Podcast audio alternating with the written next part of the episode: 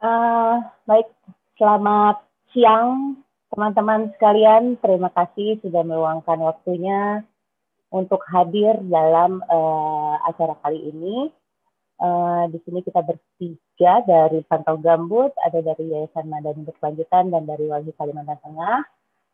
Uh, kita akan uh, ngobrol-ngobrol soal food estate ya. Kita uh, mengeluarkan kajian dan salah satunya ada juga di site di dalam uh, di dalam uh, launching ini.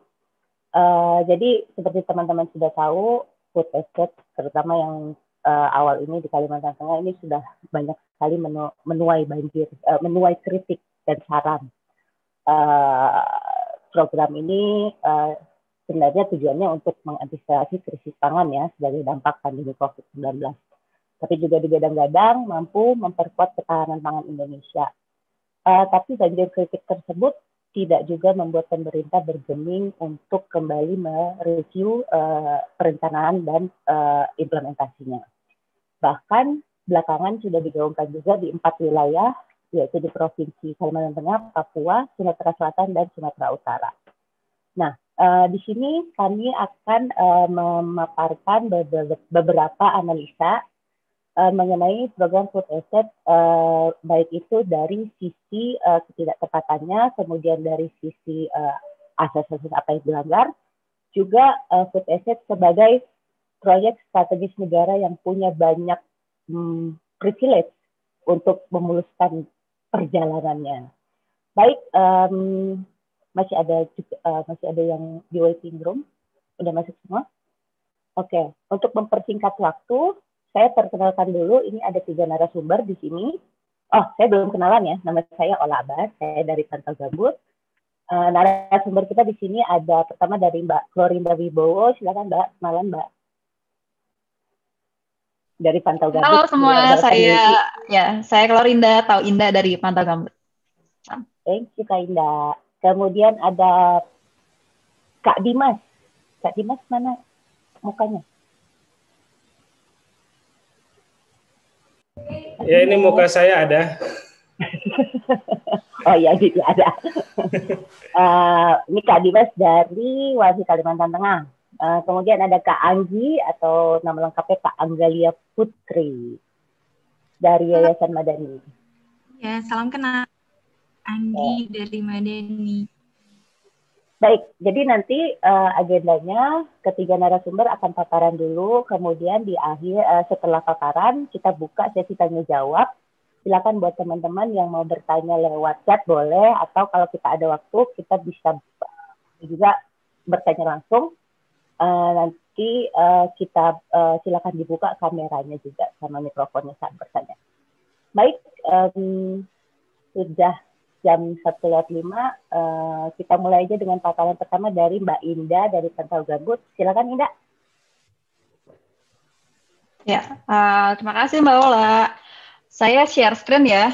Um, jadi, tapi sebelum itu, um, jadi Pantau Gambut mengeluarkan satu kajian tentang uh, food estate ini, yang sebenarnya berita tentang food estate atau uh, juga disebut lumbung pangan gitu ya um, program lumbung pangan ini, pangan ini yang sebenarnya sudah mulai kedengaran gaungnya dari tahun lalu awal tahun lalu ketika uh, pandemi mulai muncul.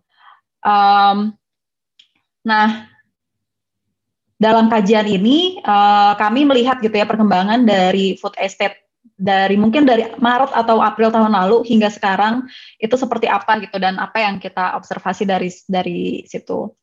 Nah, um, sebagai produknya uh, ada dua uh, produk gitu yang yang kami hasilkan. Jadi yang pertama itu adalah kajiannya dalam bentuk uh, laporan nanti bisa diakses oleh teman-teman semuanya. Uh, lalu ada satu lagi dalam bentuk uh, microsite atau uh, semacam website yang uh, khusus bisa diakses oleh uh, publik untuk melihat um, sebenarnya apa sih uh, pandangan uh, dari konsorsium atau uh, koalisi pantau gambut ini terhadap si food estate um, dan perkembangan terkininya apa sih food estate itu sekarang di Indonesia kayak gitu. Ini saya akan mulai share screen.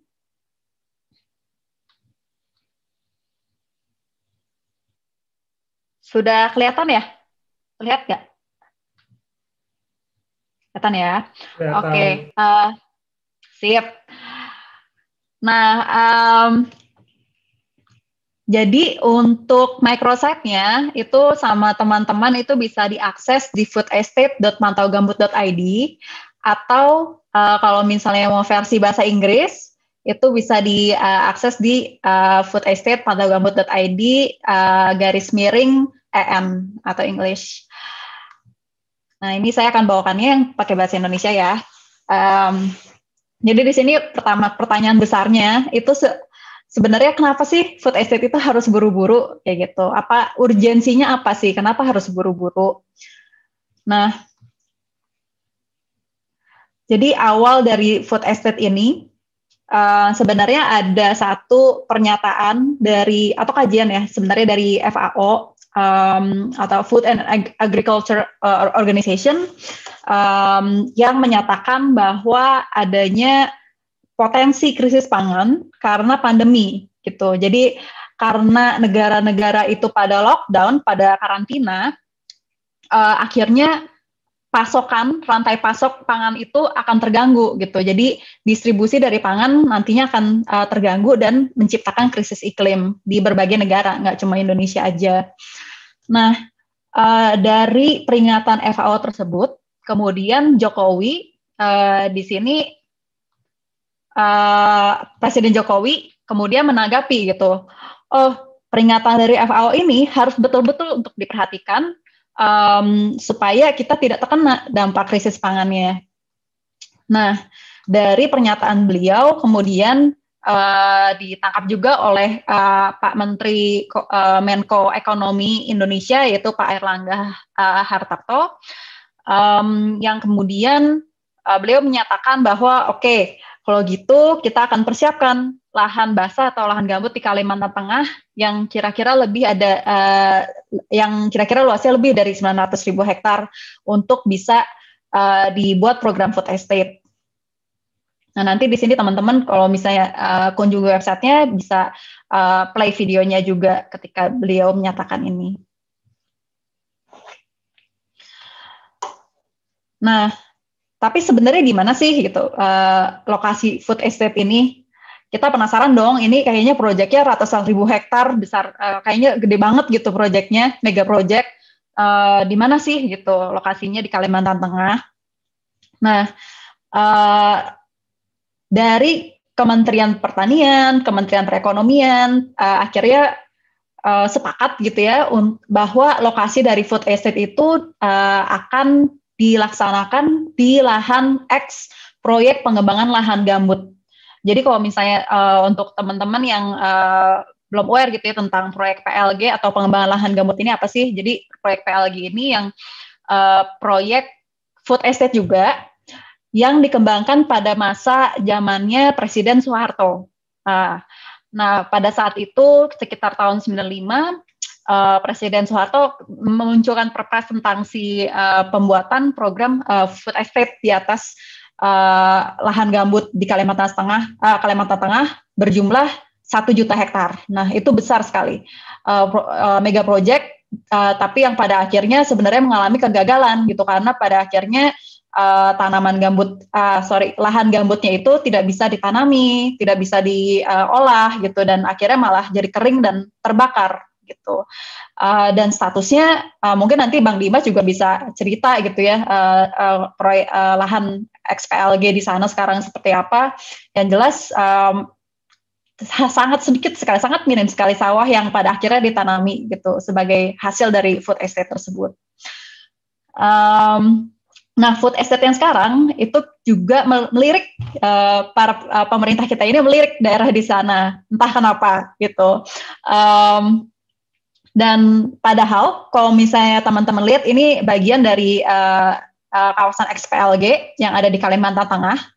Ini dibagi kayak ada berapa nih? Lima blok. Jadi ada blok A sampai blok E. Yang dulu banyak kebakaran itu blok A sama blok D kalau nggak salah.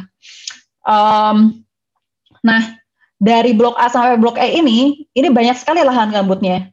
Nah, bahkan 64% dari luas wilayah ini uh, merupakan fungsi ekosistem gambut lindung gitu. Jadi fungsi ekosistem gambut, uh, gambut lindung itu gambut yang kedalamannya lebih dari 3 meter yang sebenarnya uh, tidak boleh diapa-apain gitu. Kalau lindung itu harus dikonservasi karena kalau misalnya diapa-apain dikeringkan dan lain sebagainya itu akan mengakibatkan um, kekeringan, terus kemudian bencana seperti banjir, kemudian bencana uh, kebakaran kayak gitu.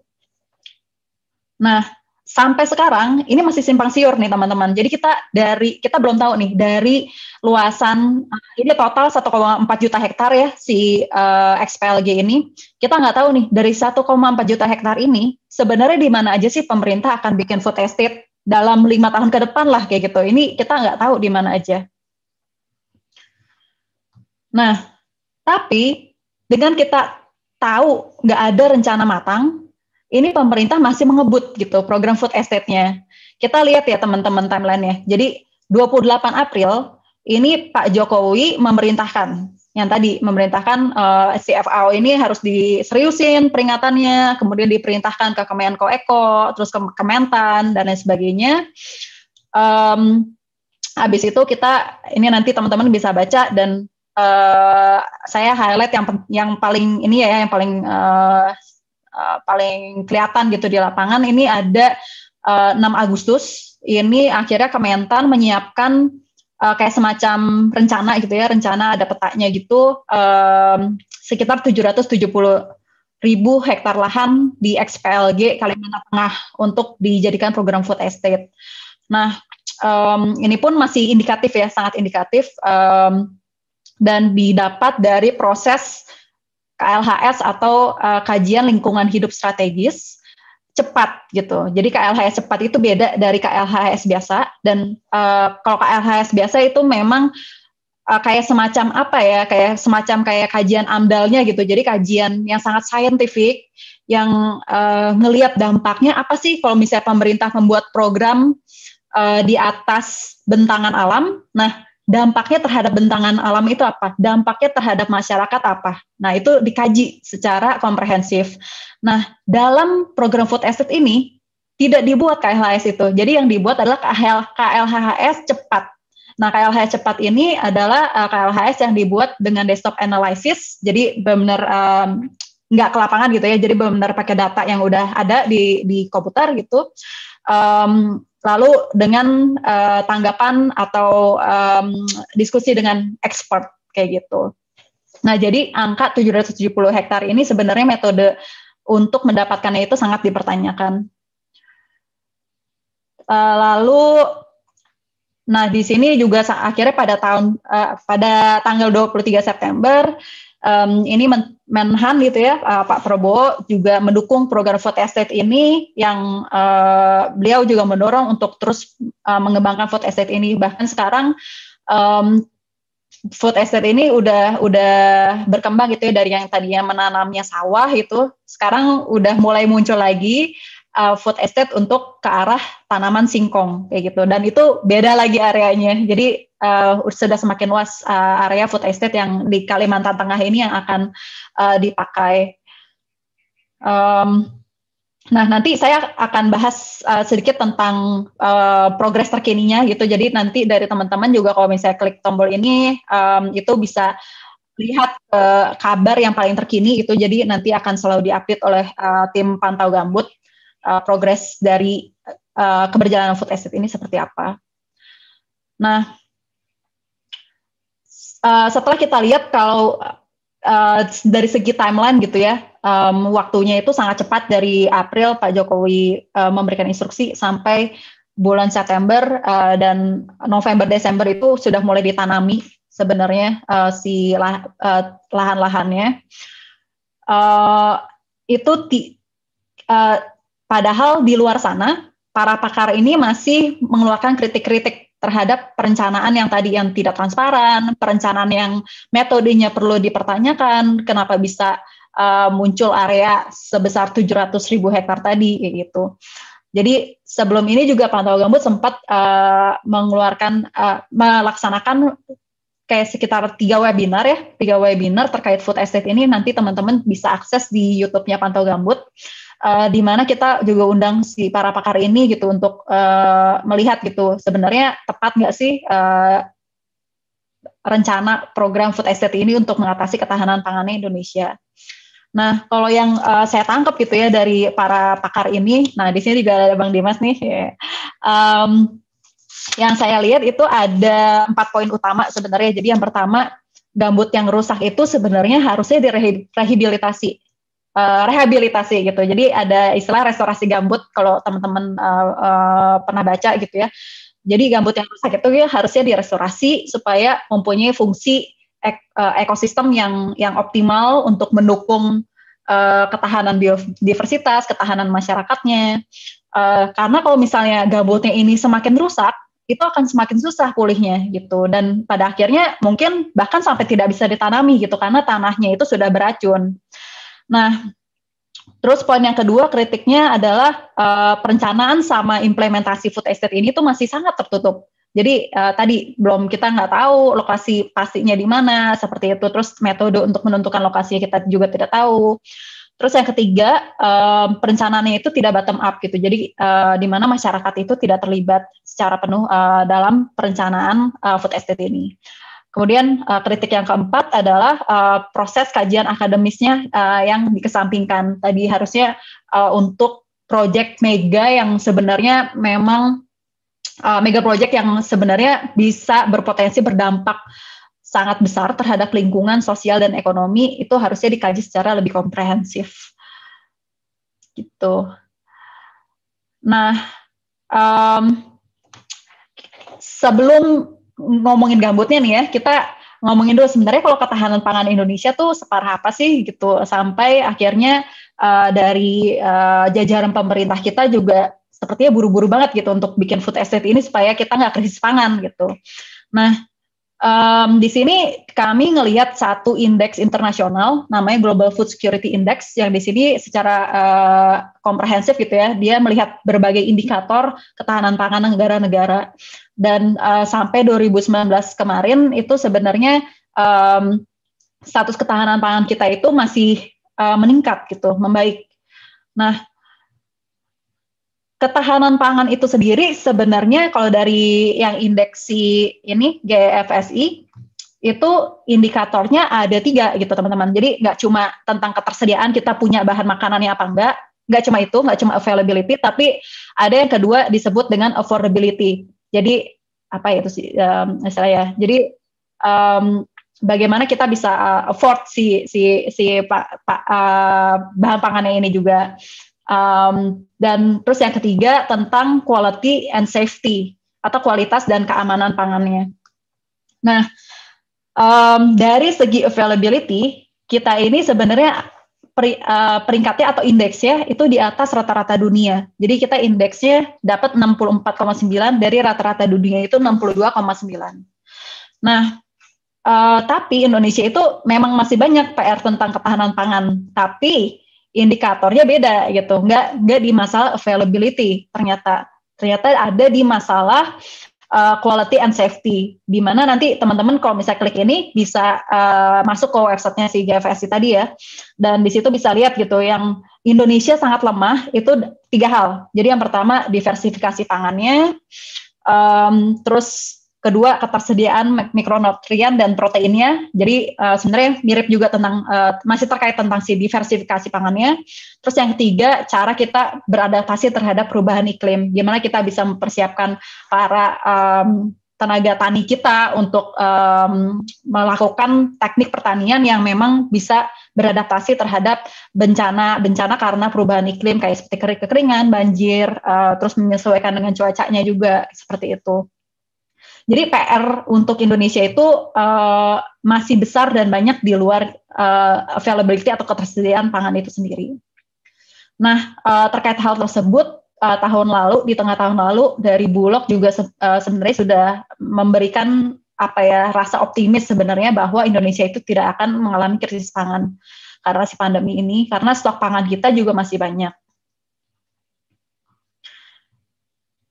Nah, Um, kemudian kita lihat juga dari kalau misalnya ngomongin food estate di atas lahan gambut, sebenarnya cocok nggak sih gitu? Um, karena kalau misalnya kita biasanya kalau saya meneliti gambut gitu ada uh, lahan gambut, saya ngebagi ada lahan gambut sama lahan mineral gitu. Lahan mineral tuh ya lahan biasa lah yang mungkin yang uh, teman-teman di luar um, um, daerah gambut gitu ya paling sering yang lihat ya lahan mineral gitu yang sering ditanami sayur, padi dan lain sebagainya.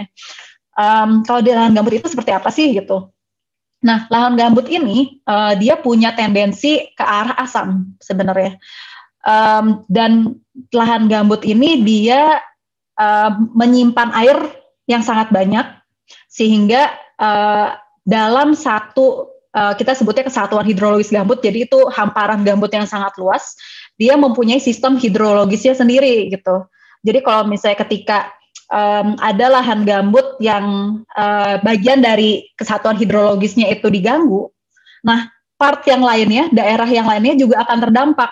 Nah, gitu. Misalnya, uh, dan itu bisa jangkauannya bisa berkilo-kilometer. Nah, biasanya kalau misalnya kita mengkonversi lahan gambut menjadi lahan pertanian, ini biasa disertai dengan tindakan drainase. Jadi dibuat kanal. Jadi kalau misalnya uh, teman-teman suka lihat di perkebunan sawit gitu, suka dibuat kanal-kanal yang memang tujuannya untuk mengeringkan atau mengeluarkan air dari lahan gambut kayak gitu. Um, karena tanaman-tanaman seperti padi, sawit, uh, palawija itu tidak bisa ditanam di lahan gambut yang memang basah, yang memang terlalu banyak air, jadi harus dikeringkan dulu. Nah, ketika lahan gambut ini dikeringkan, selain fungsi hidrologisnya terganggu, dia juga bisa mengekspos satu um, uh, senyawa yang namanya pirit. Nah, si pirit ini dia kalau misalnya terekspos kena udara oksigen, dia akan mengubah tanahnya menjadi asam. Nah, tanah yang semasam ini akan sangat sulit ditanami. Jadi pasti akan gagal untuk ditanami tanaman-tanaman palawija, termasuk padi. Um, nah, kalau misalnya pirit-pirit ini larut gitu ya, uh, mencemari air, dia juga bisa uh, mencemari airnya itu dan membuat ikan-ikan yang ada di air itu dan tentunya hewan-hewan lainnya mati gitu. Nah ini udah pernah ada kasusnya waktu proyek PLG tahun 95-96 yang lalu di mana um, si pirit ini akhirnya uh, ngalir gitu ya ke si sungai Mengkatip sama si sungai Barito ini dan membuat si ikan-ikannya mati. Nah ini bisa teman-teman lihat kayak ada ilustrasi um, kerusakan gambut hingga adanya pirit.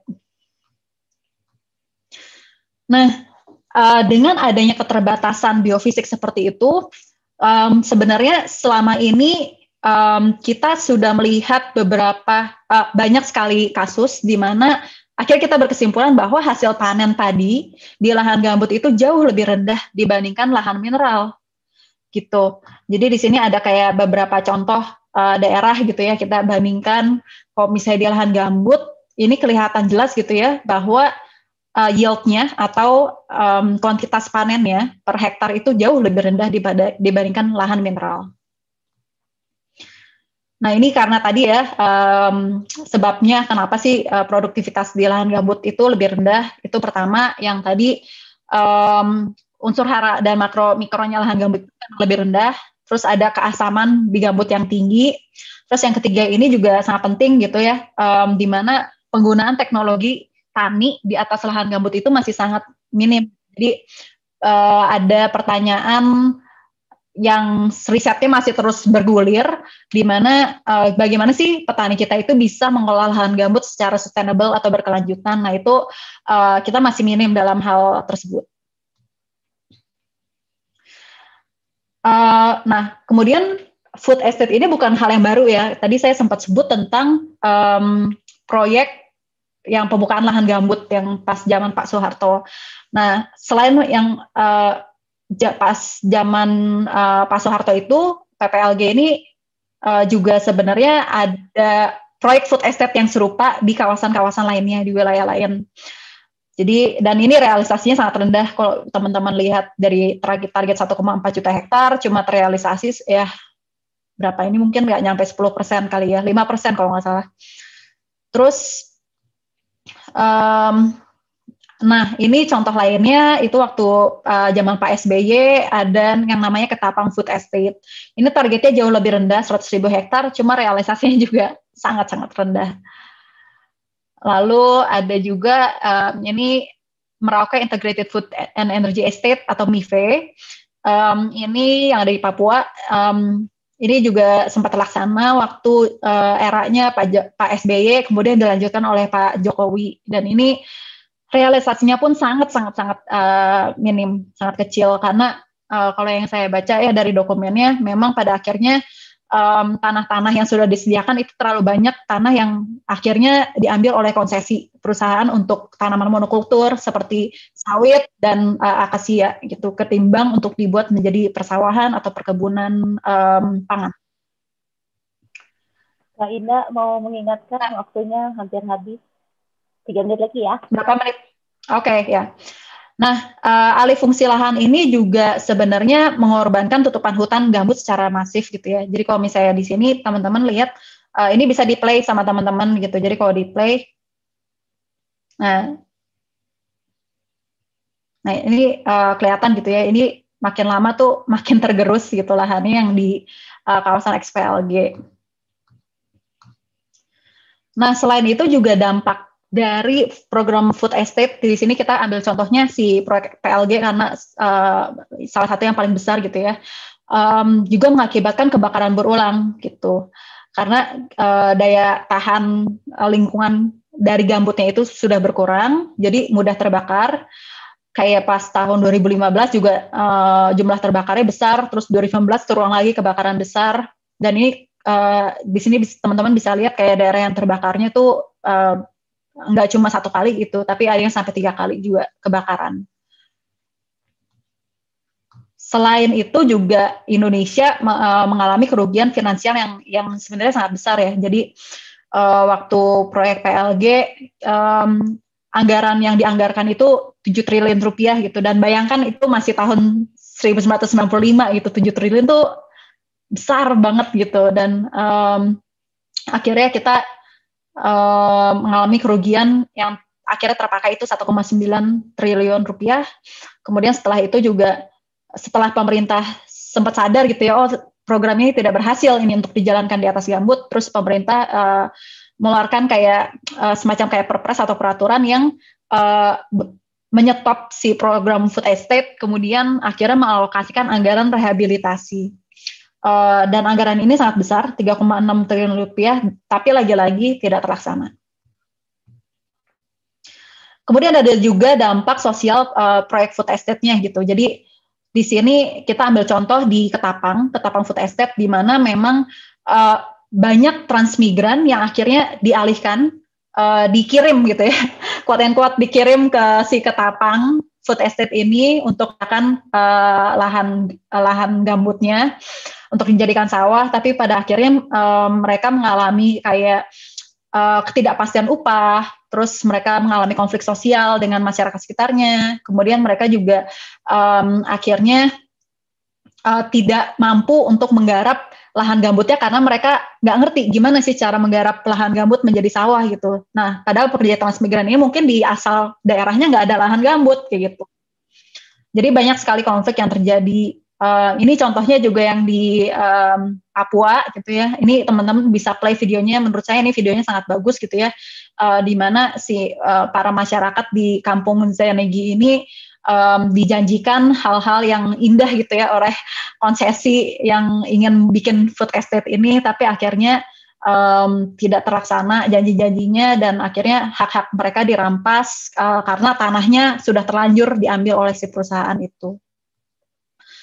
Nah, um, kemudian jadinya pertanyaannya sebenarnya um, apa sih yang akan terjadi dengan food estate kita yang sekarang gitu? Apakah pemerintah itu udah belajar, pemerintah dan kita ya udah belajar dari food estate kegagalan food estate yang sebelumnya gitu, atau kita akan mengulang sejarah yang buruk juga gitu dan uh, pada akhirnya ya kita kita lagi gitu yang akan rugi gitu.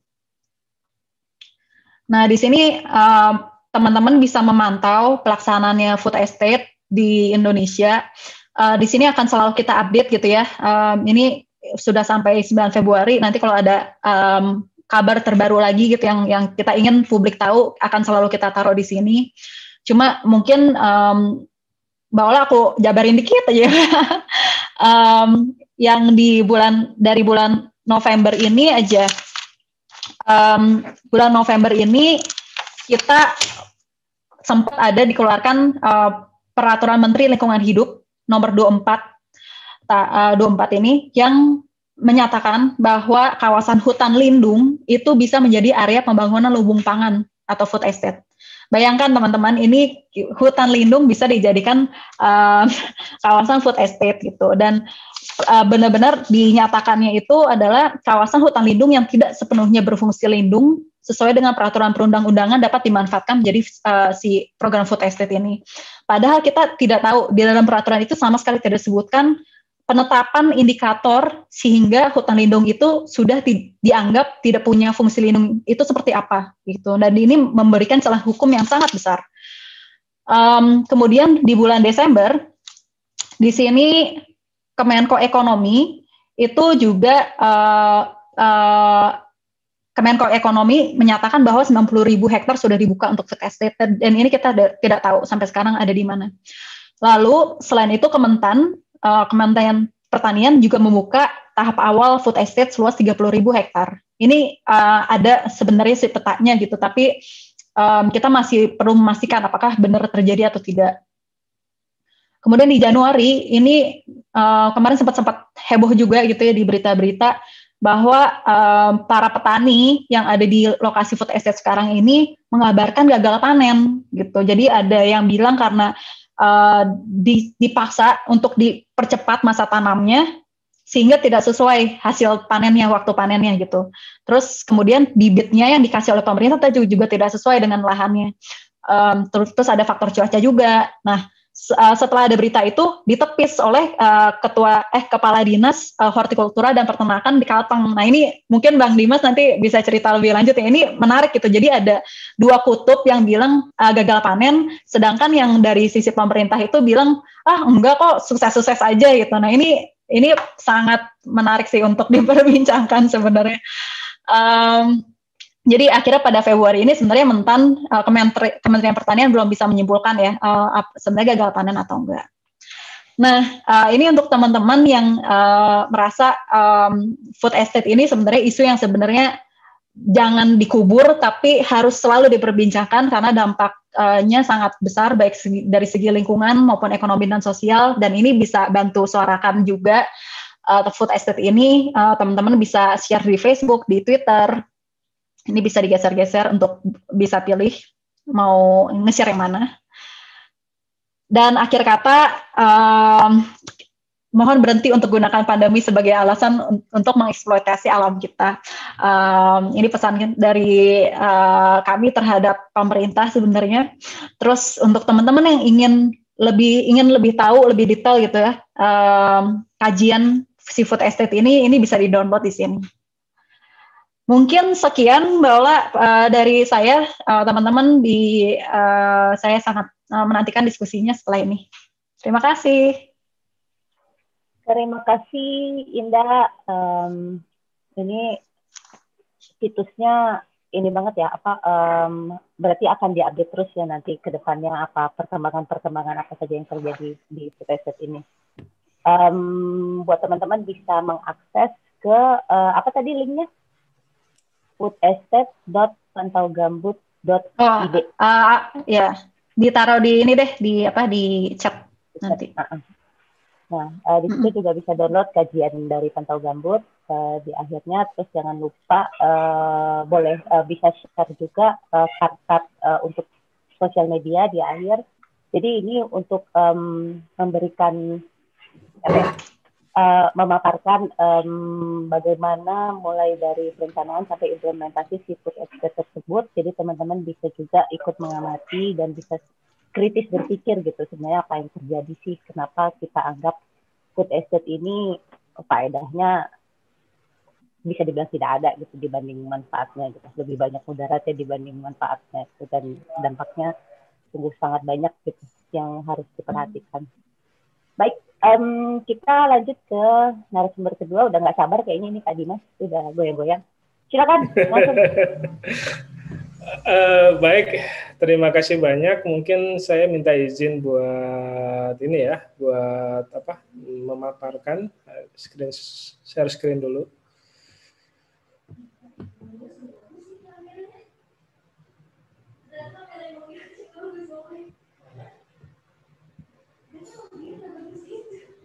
Bagaimana? Apakah sudah terlihat? Oke, uh, terima kasih banyak. Uh, ini paparan dari saya terkait dengan perkembangan food estate di Kalimantan Tengah. Baik, uh, pada tahun 2020 yang lalu, tepatnya tanggal 23 September, uh, ada semacam ratas, bukan semacam, memang terjadi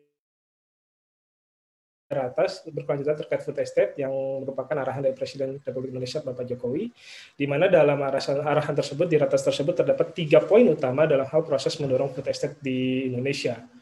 Uh, pertama adalah tujuan dan latar belakang yang di mana pertama mengantisipasi kondisi krisis pangan akibat pandemi COVID-19 Kedua, mengantisipasi perubahan iklim yang terjadi di dunia, termasuk di Indonesia. Dan yang ketiga adalah mengurangi ketergantungan impor pangan. Nah, untuk yang kedua adalah terkait dengan arahan lokasi, di mana lokasi awal food estate yang sedang berjalan saat ini merupakan di Sumatera Utara, Kalimantan Tengah. Dan untuk lokasi selanjutnya itu berada di Sumatera Selatan, Papua, dan NTT. Eh, ini saya ambil dari paparan eh, Bappenas yang sudah beredar di kalangan kita semua. Dan yang direksi presiden adalah direktif presiden perumusan rencana induk pelaksanaan food estate dan perumusan master plan, kepemilikan lahan di area food estate, infrastruktur pendukung, kejelasan pengelolaan food estate, dan jenis tanaman yang akan dikembangkan, serta ini seperti apa. Itu yang coba dilakukan di Indonesia. Dan total keseluruhannya itu menjadi sekitar lima lokasi, lima wilayah atau lima provinsi di tahap awal ini untuk food estate ini. Selanjutnya, eh, kita ketahui bersama eh, dalam proses pengelolaan sumber daya alam di Indonesia, khususnya di Kalteng, sudah banyak hilangnya lahan pertanian dan ladang di masyarakat. Nah, ini terjadi karena adanya investasi skala besar yang masuk ke Indonesia dan di khususnya di Kalimantan Tengah sendiri. Dan isu pangan menjadi sorotan tajam di tengah pandemi kekhawatiran krisis pangan di berbagai belahan dunia akan mengikuti wabah disampaikan oleh Badan Pangan Dunia pada saat itu oleh FAO sekitar bulan Maret. Dan di April sesuai dengan uh, statement Presiden bahwa diperlukan lumbung pangan, maka Kalimantan Tengah yang sejak awal sudah diniatkan untuk proyek ambisius ini pada rapat terbatas pertama membahas food sebagai wilayah yang dialokasikan sejak awal untuk lumbung pangan. Dan itu dibuktikan dengan uh, adanya surat dari uh, Gubernur Kalimantan Tengah pada tahun 2017 itu uh, kepada KLHK untuk pencadangan lokasi food estate di Kalimantan Tengah. Tentu saja dalam proyek food estate ini terdapat pro dan kontra atas proyek tersebut. Dan di Kalimantan Tengah sendiri yang di awal memiliki sejarah buram atas proyek yang sama sejak tahun 95 hingga 98 yaitu XPLG sudah dijelaskan Mbak Indah tadi. Eh, ini menjadi sebuah eh, ibaratnya mengembalikan atau membuka luka lama yang pernah terjadi di Kalimantan Tengah dan berdampak hingga saat ini. Apa dampaknya wilayah SPLG yang dengan luasan 1,4 juta hektar tersebut eh, sejak tahun 97 hingga terakhir 2019 itu terbakar hebat seperti itu. Uh, hak-hak apa aja yang harus kita lihat dalam hal proses uh, mendorong proyek food estate ini pertama adalah apakah proyek ini untuk kepentingan rakyat atau hanya untuk kepentingan industri pangan semata. Kedua, bagaimana keterlibatan rakyat di dalamnya, baik masyarakat yang eh, lokasinya dijadikan percontohan food estate atau di luar percontohan food estate itu sendiri. Dan ketiga, aturan-aturan dan hak-hak apa saja yang seharusnya dipatuhi oleh negara dalam hal proses menjalani eh, proyek tersebut. Ini merupakan lokasi yang menjadikan food estate cetak sawah di Kalimantan Tengah. Eh, Pertama ada di Kabupaten Pulang Pisau dengan luasan mencapai tahap awal dari tahun 2000, di tahun anggaran 2020 ada 30.000 hektar. Pertama di Pulang Pisau seluas 10.000 hektar dan di Kabupaten Kapuas itu seluas 20.000 hektar.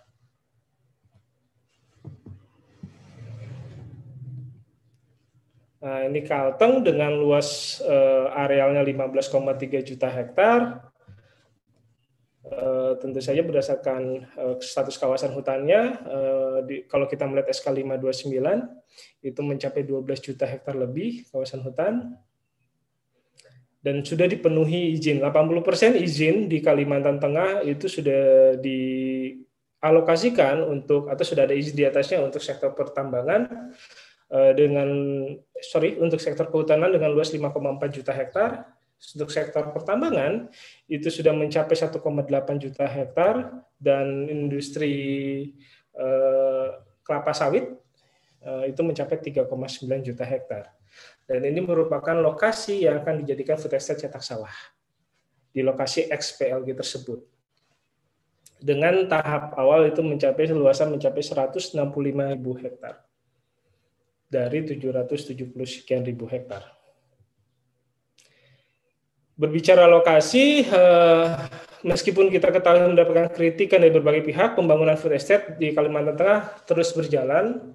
Eh, ini merupakan uh, uraian terkait areal potensial di dalam SPLG, areal ekstensifikasi yang akan dikembangkan, dan areal intensifikasi serta areal potensial di luar blok, di blok PLG yang tadi.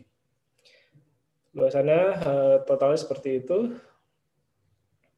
Nah ini uh, kecamatan dan desa-desa yang dijadikan uh, wilayah food estate untuk cetak sawah di Provinsi Kalimantan Tengah. Banyak sekali yang dijadikan percotan dengan total awal mencapai 30.000 hektar. Nah, sedangkan ini yang baru kita dapat adalah area of interest untuk uh, food estate singkong yang ada di Kalimantan Tengah juga. Seperti itu. Nah, menariknya eh, singkong ini benar-benar eh, ibaratnya meskipun sama sawah juga mengalami informasi yang terbatas, tapi terkait food estate singkong ini benar-benar tertutup sama sekali. Meskipun kita eh, dari beberapa teman-teman dan jaringan berhasil mendapatkan beberapa dokumen hmm, yang bisa kita coba kaji.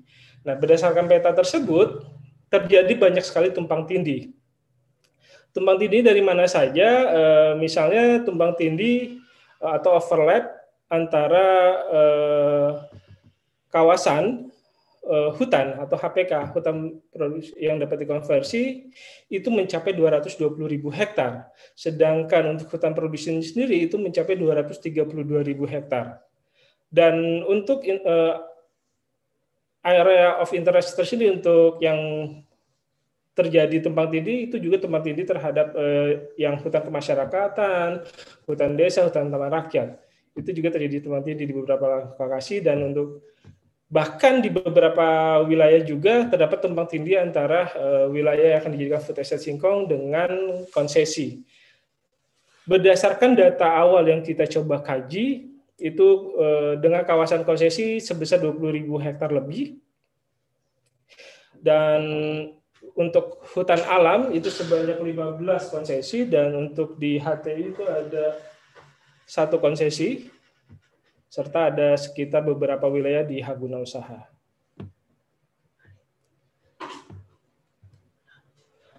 Oke, eh, terkait dengan ini terkait dengan pendapat masyarakat, pandangan masyarakat di lapangan untuk proyek tersebut, baik itu food estate, cetak sawah maupun singkong, memang pertama tidak adanya ruang atau kesempatan kepada warga masyarakat untuk didengar pendapatnya sebelum membuat keputusan.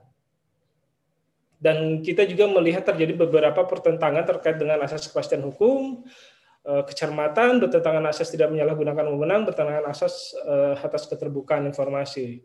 Nah, kalau kita lihat dari sisi uh, kepastian hukum itu sendiri, food estate ini uh, menggunakan rapid KLHS atau KLHS yang cepat, di mana kita belum mendapatkan dasar hukumnya. Apa itu food estate cepat? Gitu. Uh, uh, KLHS cepat. Sedangkan untuk yang lainnya, uh, untuk uh, kepastian hukum, ketika proyek ini sudah berjalan dari April, uh, belum ada dasar hukum yang jelas. Permen LHK 24 2020 uh, food estate untuk kawasan hutan keluar itu di bulan November 2020 sedangkan proses uh, pembukaan lahan untuk food estate singkong sudah berjalan lebih dahulu. Sehingga terjadi pembukaan lahan di kawasan hutan yang tanpa izin kalau berdasarkan uh, kajian kami sementara ini. Sisi lain juga uh, isu, uh, perpres terkait dengan PSN atau Proyek Strategis Nasional itu nomor 109 tahun 2020 keluar juga di akhir bulan eh, di akhir tahun 2020. Sedangkan aktivitas proyek ini sudah berjalan. Jadi memang dasar hukum yang jelasnya itu yang belum ada dan kita saat ini sedang mengkaji terkait dengan tata ruangnya itu sendiri seperti apa. Apakah itu juga bertentangan dengan kajian tata ruang yang ada di Kalimantan Tengah itu sendiri. Terus tidak menyalahkan kegunaan uh, menyalahgunakan wewenang. Kami melihat food estate singkong ini yang di leading oleh uh, Kementerian Pertahanan uh, itu bukan menjadi tupoksi dari Kementerian Pertahanan itu sendiri. Sehingga memang uh, berbicara pangan itu bukan bagian atau bukan tupoksi tupoksi dari Kementerian Pertahanan. Ini yang yang harus kita lihat. Sedangkan leading sektor untuk estate singkong itu uh, Kementerian Pertahanan. Berbeda dengan untuk sektor uh, sawah itu yang ada di Kalteng ini di wilayah SPLG itu oleh uh, Kementerian uh, Pertanian.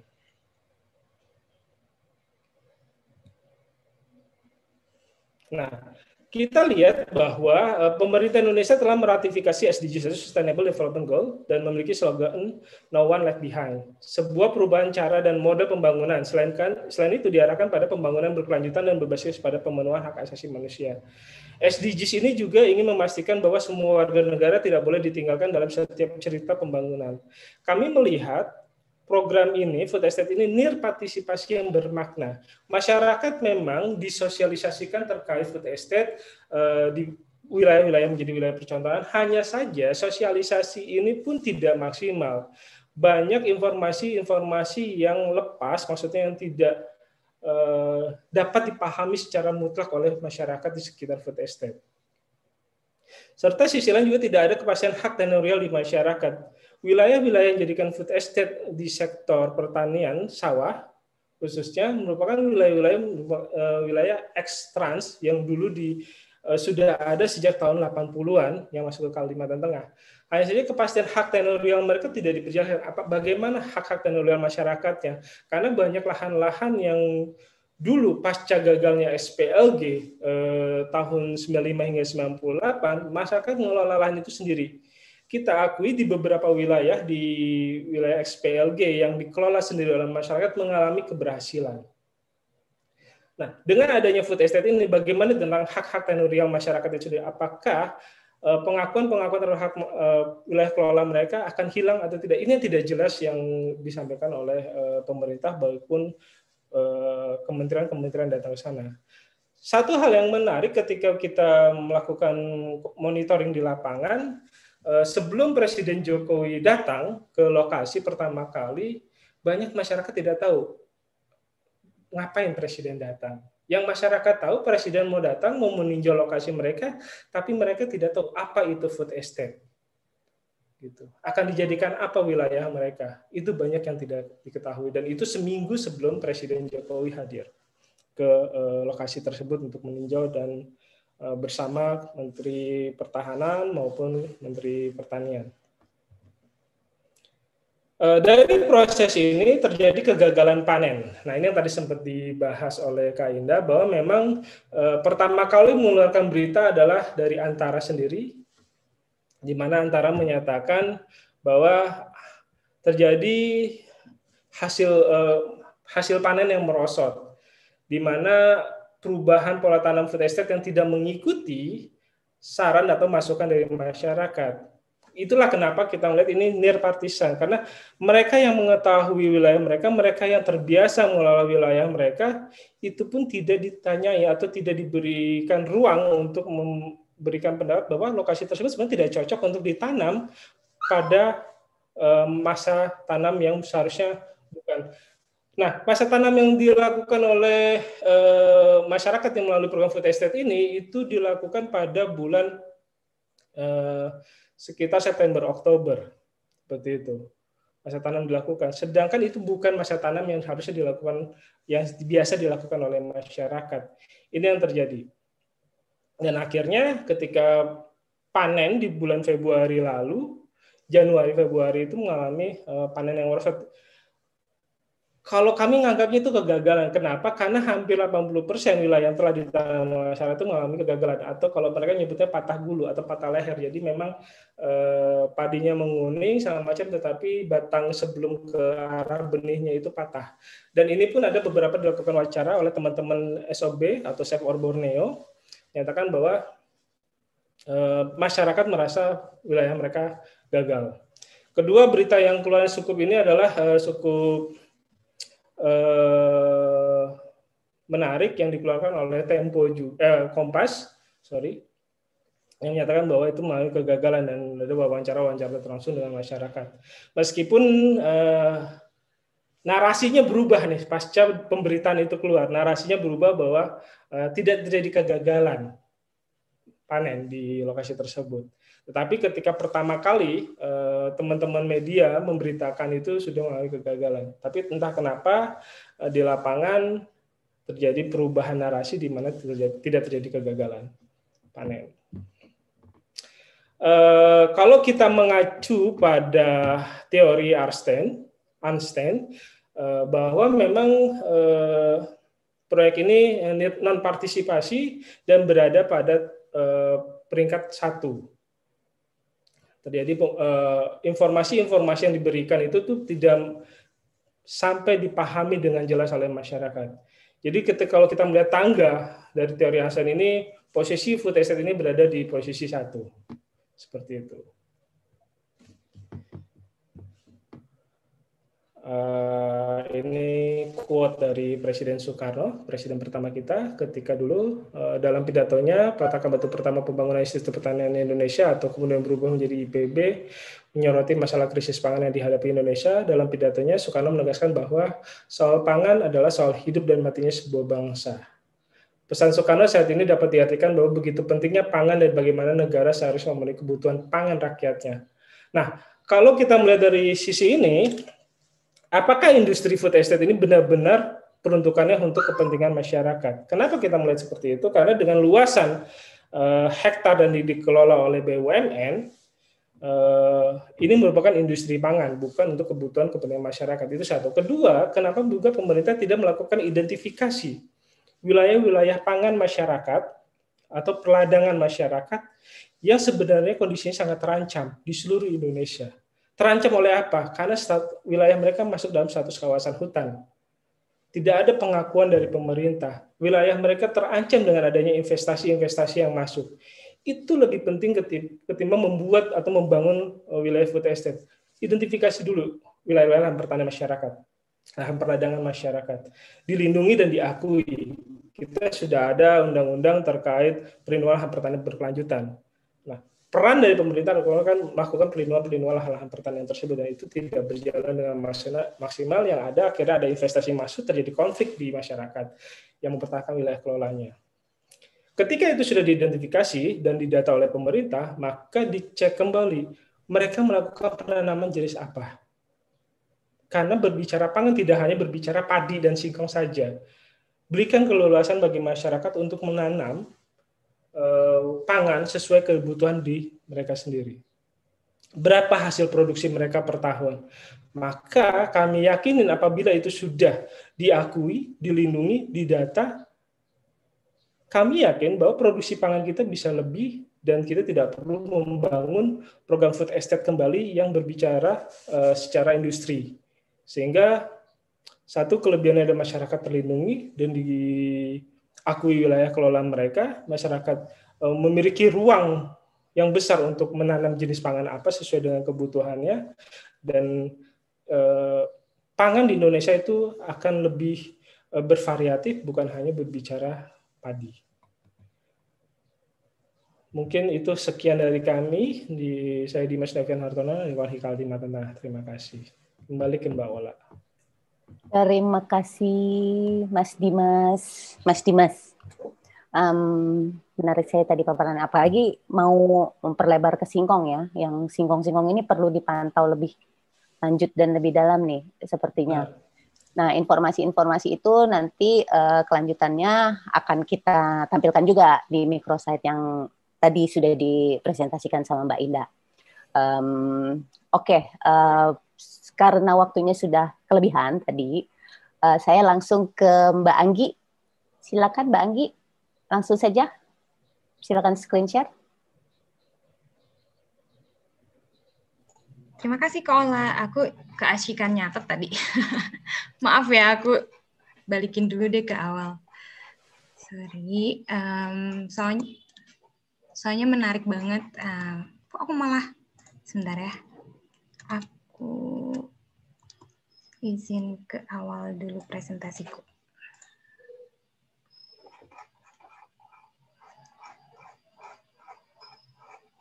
Sorry, sorry. Nah, sudah ternyata panjang. Halo teman-teman, saya Anggi. Mudah-mudahan uh, masih semangat ya mendengarkan. Terima kasih banyak untuk teman-teman pantau gambut. Microsite-nya keren banget, unyu kalau kata anak muda ya. Bisa goyang-goyang dan sangat interaktif. It's so exciting.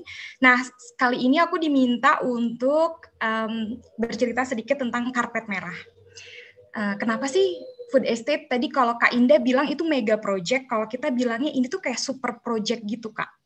Kenapa ya? Jadi kalau misalnya kita pakai uh, simbol itu nanti ada kayak simbol Superman, tapi sebelumnya sama dengan Kak Indah, sama dengan Kak Dimas, kayaknya aku harus me, me, me, menyatakan ulang ya kenapa Madani uh, sebagai bagian dari uh, masyarakat sipil bersama teman-teman itu pengen mengulik gitu, pengen mengungkap pengen mengkritisi program ini karena pangan itu benar kata Pak Soekarno sesuatu yang penting dan kami percaya bahwa pangan Indonesia dan dunia itu akan selamat kalau hutan kita selamat, gambut kita selamat, krisis iklim tidak semakin parah dan kita keluar dari krisis iklim atau dari ketidakmampuan beradaptasi pada krisis iklim. Jadi pandangan inilah bahwa oke okay, ini pangan penting tapi uh, antara jangka pendek dan jangka panjangnya kayaknya kebalik-balik gitu ya. Jadi uh, inilah alasan kami gitu kenapa kita ingin meng mengkritisi food estate ini dan mengajak pemerintah untuk berdialog untuk mempertimbangkan kembali ini demi kemaslahatan rakyat. Nah mungkin sudah banyak diulas spasial ya uh, oleh Kak Dimas di Kalimantan Tengah. Nah Madani uh, sudah mengeluarkan kajian bisa dilihat di website namanya menakar potensi ancaman hutan terhadap hutan alam dan lahan gambut dari proyek food estate ini. Nah, sebenarnya highlightnya itu area of interestnya food estate itu besar sekali. Yang kami download di bulan uh, Desember 2020 itu besar sekali, lebih besar dari provinsi saya, Jawa Barat, sekitar 3,69 juta hektar. Dan ini terbesar itu di Papua. Jadi uh, Madani melihat empat provinsi, ada Papua, ter, terbesar kedua Kalteng tentunya, kemudian ada Sumatera Utara dan Sumatera uh, Selatan di Sumatera Utara sudah sudah banyak ya beritanya misalnya kemarin yang uh, di Kabupaten Humbang Hasudutan, ada masyarakat yang khawatir hutan kemenyannya disuruh dijadikan food estate, ada yang kebun karetnya disuruh jadi kebun singkong dan lain sebagainya.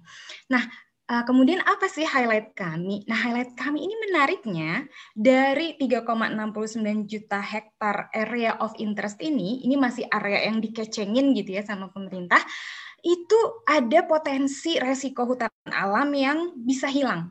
Kalau ditebang semua itu lebih besar dari tiga kali Pulau Bali. Jadi ada 1,5 juta hektar lebih hutan alam yang masih pohon-pohon indah itu di dalam area of interest food estate itulah kenapa kami menyuarakan uh, tunggu dulu dong jangan buru-buru boleh nggak kita duduk bareng terus dialog ini baiknya dikeluarin aja di hutan alam gitu pakai aja lahan yang belum berhutan. Nah yang kedua highlight spasialnya adalah ternyata seperti concernnya teman-teman pantau gambut ekosistem gambut di empat provinsi ini di area of interest yang dikecengin ini gede banget itu hampir 40 persennya ya sekitar 1,4 juta hektar itu ekosistem gambut dan banyak yang lindung. Apalagi di Kalteng. Di Kalteng itu menarik karena sebagian besar area of interest food estate-nya itu ekosistem gambut lindung. Nah, jadi dari sisi hutan alam dan gambut yang sangat penting supaya Indonesia bisa um, mencapai komitmen iklim, menjaga pangannya dan pertaniannya di masa depan. Iklim kacau, pertanian kacau gitu kan ya kita. Jadi itu kenapa alasan kita sangat uh, bersuara dalam hal ini. Nah, yang menarik terakhir adalah ternyata hampir semua area of interestnya food estate di empat provinsi ini di dalam kawasan hutan ya. Jadi kami uh, berdasarkan analisis kami uh, dari publikasi KLHK uh, Dirjen Panologi tahun tahun 2020 kemarin itu 92 persennya itu di dalam kawasan hutan. Makanya mungkin itu mendorong keluarnya Permen 24 uh, Permen LHK 24 itu yang akhirnya membolehkan kawasan hutan termasuk kawasan lindung termasuk hutan yang masih produktif untuk dijadikan uh, area food estate. Nah, itu. Nah, ini sekarang karena teman-teman fokus di Kalteng, teman-teman pantau gambut, aku sedikit cuplik yang Kalteng. Kalau dari uh, kajian Madani, itu hampir seluas uh, Yogyakarta ya, sekitar 300 ribu hektar. Jauh lebih kecil daripada yang dari Kak Dimas dan Kak Indah tadi. Mungkin data kita berbeda. Satu hal lagi, memang data food estate ini beda-beda ya Kak, jadi kita bingung. Uh, tapi ini 300 ribu hektar uh, terbagi di lima kabupaten ya. Jadi mungkin ada kabupaten yang belum tercatat oleh kami atau kita merujuk pada publikasi yang berbeda. Nah, menariknya di Kalteng ini banyaknya hutan alam yang dikecengin untuk food estate itu ada di luar kawasan hutan teman-teman. Jadi hampir semua ya 97 persennya kok hutan alamnya di luar kawasan hutan. Eh, jadi ini seperti kata Kak Indah tadi, kenapa sih kawasan hutan lindung dijadikan area food estate? Kata pemerintah, tenang, kami akan menggunakan kawasan hutan lindung yang sudah tidak berfungsi lindung. Tapi kami pengen um, pengen counter arguing ini. Uh, Pak, Bu, ini hutan alam yang banyak itu di luar di luar hut, hutan lindung, banyaknya di hutan produksi, di hutan produksi konversi dan itu boleh boleh banget diakses gitu, boleh banget ditebang. Maka kita khawatir. Jadi itu yang di Kalteng. Jadi lebih dari setengahnya pula AOI food estate-nya itu hutan alam. Gitu. Dan seperti sama konsisten dengan teman-teman yang pantau gambut dan teman-teman wali Kalteng memang banyaknya uh, mayoritas di Kalteng itu 70% lebih ya di di kawasan XPLG yang kemarin uh, gagal dan banyak terbakar. Jadi begitu. Nah, terus kita uh, mencoba ya, Madani mencoba mengkalkulasi apa sih yang bikin food estate itu begitu tempting, begitu menggiurkan gitu ya, mungkin ternyata potensi kayunya itu sangat tinggi. Jadi berdasarkan analisis kita, kalau semua hutan alam di dalam area of interest food estate di empat provinsi itu diambil kayunya dan itu dibenarkan oleh regulasi, itu bisa potensi kayunya mencapai 209 triliun. 209 triliun itu sangat uh, lumayan besar ya. Berapa kali uh, keru, apa namanya biaya kerugian itu ya Kak Indah yang tadi 1,9 triliun dan biaya rehabilitasi. Tentunya ini ekstrim ekstrim skenario ya, tapi uh, kebetulan atau bukan kebetulan regulasi kita mem membolehkan hal tersebut Uh, meskipun kemudian dikunci oleh safeguards yang nanti aku akan bicara sedikit soal safeguards. 209 triliun triliun ini tempting banget ya, apalagi food estate ini akan dibiayai oleh APBN. Temen ada tadi ada yang temen ya yang ngechat uh, berapa sih anggaran yang dialokasikan untuk APBN? Siapa sih kementerian apa yang dapat gitu? Kalau yang dikutip oleh Madani itu ada di nota RAPBN 2021, tidak spesifik food estate tapi untuk ketahanan pangan termasuk food estate itu sekitar 104 triliun kalau di nota RAPBN, tapi di berbagai media Ibu Sri Mulyani pernah bilang 99 triliun. Jadi itu pun berbeda-beda. Dan kementeriannya pun bisa dilihat di nota RAPBN, tentu yang paling besar itu adalah PUPR karena membuat jalan, membuat infrastruktur, membuat bendungan. Jadi PUPR itu ribuan anggarannya banyak sekali untuk mendukung akses food estate ini, tapi juga Kementerian Pertanian, Kementerian yang mengurusi transmigrasi juga itu banyak. Nah, akan diapakan nih kalau bisa? Jadi kami ingin apakah kenapa terburu-buru? Apakah ini sebenarnya adalah untuk mengambil kayunya? Kok itu banget ya apa namanya uh, suuzon banget gitu kan? Tapi ini pernah terjadi berulang-ulang dalam sejarah Indonesia.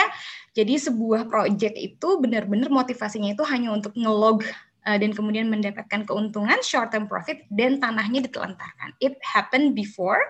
Jadi kita mau uh, alert ini kayak memberikan mengingatkan kembali agar ini tidak terjadi dalam kasus estate. Gitu. Tadi tentang food estate-nya, nah sekarang yang diminta adalah apa sih karpet merahnya? Nah, tadi malam itu saya begadang dulu karena ternyata PP peraturan-peraturan Undang-Undang Cipta Kerja itu sudah keluar ya. Kalau kata orang Jerman udah ngaburudul gitu ya. Ada 45 dan Eh, empat perpres dan jadi kajian madani itu kan masih merujuk pada RPP. Nah, saya di sini berusaha menjelaskan sedikit bacaan cepat terhadap PP itu, PP yang baru. Tapi yang pertama, karena food estate itu kedaulatan pangan, dia otomatis dikecualikan dari kebijakan penghentian pemberian izin baru atau kita sering bilangnya moratorium hutan. Nah, ini menarik ya. Jadi safeguards um, ini ada orang kayak Superman gitu. Inilah dia super powernya. Nah, safeguardsnya kecil gini ya. Apa duh? Ini hutan alam primer boleh gitu kan. Uh, lahan gambut boleh uh, dalam kerangka kebijakan tentunya ya. Nah, tapi sebenarnya RPJMN kita sudah eksplisit bilang bahwa hutan alam primer dan hutan di atas lahan gambut itu stop. Itu adalah development constraint. Jadi sebenarnya apakah pemerintah mau konsisten sama sama RPJMN-nya atau tidak sebenarnya itu ya. Nah, itu yang pertama. Nah, yang kedua, uh, ternyata bacaan dari PP 23 uh, tahun 2021 jadi Undang-Undang Cipta Kerja ada ada aturan penyelenggaraan di bidang kehutanan itu menyatakan bahwa kalau ada ada sesuatu proses yang namanya penataan batas di kawasan hutan. Dan ini tahapannya sangat panjang. Dan di sini ada inventarisasi hak-hak pihak ketiga termasuk masyarakat. Nggak bisa nih seenaknya pemerintah menata batas bilang ini kawasan hutan untuk food estate gitu. Tapi dalam kasus food estate dan daerah strategis lainnya itu tidak ada inventarisasi dan penyelesaian hak-hak pihak ketiga di sepanjang trayek batas. Nah ini menurut kami bisa beresiko meningkatkan potensi konflik yang sebenarnya pemerintah juga sudah punya program banyak untuk mengatasi konflik agraria. Jadi di sini safeguards-nya saya kasih tanda tanya. Gitu. Nah kemudian uh, kita uh, kita sudah move on ya sedikit move on dari Permen LHK yang 24 yang membolehkan uh, pelepasan HPK dan penetapan KHKP ya, kawasan hutan untuk ketahanan pangan, tapi kita lihat PP 23 tadi, PP kehutanannya UU CK. Ternyata memang tidak hanya HPK loh yang bisa dilepas untuk food estate, tapi juga hutan produksi tetap. Jadi di sini kayak ada super powernya. Wow, bisa HPT itu kan luas sekali gitu. Jadi yang bisa dikonversi untuk food estate tidak lagi hanya HPK, tapi juga HPT. Di sini HPT adalah gabungan dari hutan produksi terbatas dan hutan uh, produksi biasa. Ini besar sekali. Begitu. Nah, kemudian apalagi ini superpowernya? Dia dilepaskan dari kewajiban membayar pendapatan negara bukan pajak untuk pelepasan kawasan hutan. Yeay, gratis dong gitu kan. Nah, kemudian yang kedua, kalau izin-izin lain ya, izin-izin normal itu pas mau pelepasan dia nggak bisa dulu berkegiatan sampai ada penataan tata batas selesai. Kalau food estate bisa, silakan jalan duluan um, ini konstruksi kebijakannya ya. Uh, silakan jalan duluan berbarengan dengan proses tata batas. Jadi kayak ya udah deh buru-buru aja boleh silakan everything is expedited. Nah, yang terakhir saya masih merujuk P24 ya yang Permen LHK tadi karena mas, saya rasa masih ambigu apakah apakah pelepasan kawasan yang hutan produksi konversi itu boleh yang masih berhutan alam. Kalau P24 jelas boleh. Tapi yang di PP 23 ini uh, tidak eksplisit, jadi saya masih kasih tanda tanya, saya juga bingung gitu mau nanya gitu ya. Tapi untuk hutan produksi tetap tidak ada larangan untuk memakan dalam tanda kutip uh, hutan produksi tetap yang masih ada hutannya. Jadi ini kayak tadi kan kita lihat banyak ya ada 1,5 juta hektar hutan alam di empat provinsi. Wah bisa diakses dong hutannya. Kemudian tapi ada safeguards nih uh, safeguards-nya bisa dilihat ya teman-teman di presentasi um, sebenarnya itu standar ya memperhentikan daya dukung daya tampung dan KLHS. Nah tapi seperti Kak Dimas bilang KLHS itu atau KLHS cepat itu seperti apa sih? Kita belum pernah lihat barangnya baru um, belum pernah ngelihat benar-benar gitu dan diundang prosesnya. Begitu kak. Lumayan capek. Nah yang kedua ternyata bisa juga loh menggunakan peng, di, di kalau itu ya bisa juga menggunakan kawasan hutan yang sekaligus itu jadi izin pemanfaatan kayu. Gampang ya gitu. Gampang banget ya. Bisa di hutan produksi dan hutan lindung pun gitu. Um, dan dikecualikan. Bayar PNBP dikecualikan. Bayar PNBP kompensasi ya kalau misalnya di daerah-daerah yang hutannya kurang gitu dikecualikan. Dan tidak perlu melakukan penanaman lagi loh untuk rehabilitasi das. Oh my god uh, keren banget. Maksudnya kayak keren dalam artian wow, uh, kayaknya ini mudah banget gitu. Begitu. Nah, ini yang terakhir konstruksi konstruksi kebijakan terkait penyediaan kawasan hutan itu tentang uh, yang diatur dalam P24 sebelumnya kawan-kawannya itu ternyata bisa ada yang namanya penetapan kawasan hutan untuk ketahanan pangan. Nah, di sini safeguards-nya banyak nih. Kelihatan nih kayaknya KLHK ngejaga ini soalnya uh, kemarin sempat jadi uh, kontroversi juga kan P24. Jadi ada beberapa safeguards. Kemudian pokoknya Menteri LHK akan menetapkan batas luasan KLHS harus persetujuan lingkungan uh, penggantinya itu ya izin lingkungan dan harus tata batas tata batas areal dan lain-lain. Tapi, tapi lagi-lagi ini bi masih bisa pemanfaatan kayu dan ini bisa mengambil lahan perhutanan sosial juga Tora. Asal dia kayak proyek-proyeknya menyesuaikan yang berorientasi rakyat. Jadi yang sudah dikasih izin perhutanan sosial pun bisa di tolong ya itu punten apa namanya yang masyarakat Toba yang di Toba itu nggak usah hutan kemenyan ya kebun singkong aja gitu atau misalnya apa dan ini pertanyaan yang yang penting banget yang Kak Dimas sudah uh, eko tadi adalah apakah masyarakat punya jaminan bebas untuk memilih untuk tidak mau gitu food estate? Atau apakah punya jaminan memilih komoditas yang sesuai dengan dengan tanahnya, dengan cuacanya, dengan budayanya? Apalagi dengan keterlibatan TNI dan Polri di sini. Jadi ini kayak pertanyaan yang sangat menurut saya sangat mendasar. Baik, kok banyak ya? Ah, tiga, tiga slide lagi. Siapa yang bikin? Nah, ini menarik karena ter, selain PP tentang kehutanan, ada juga PP kemudahan untuk proyek strategis nasional sebagai turunan Undang-Undang Cipta Kerja.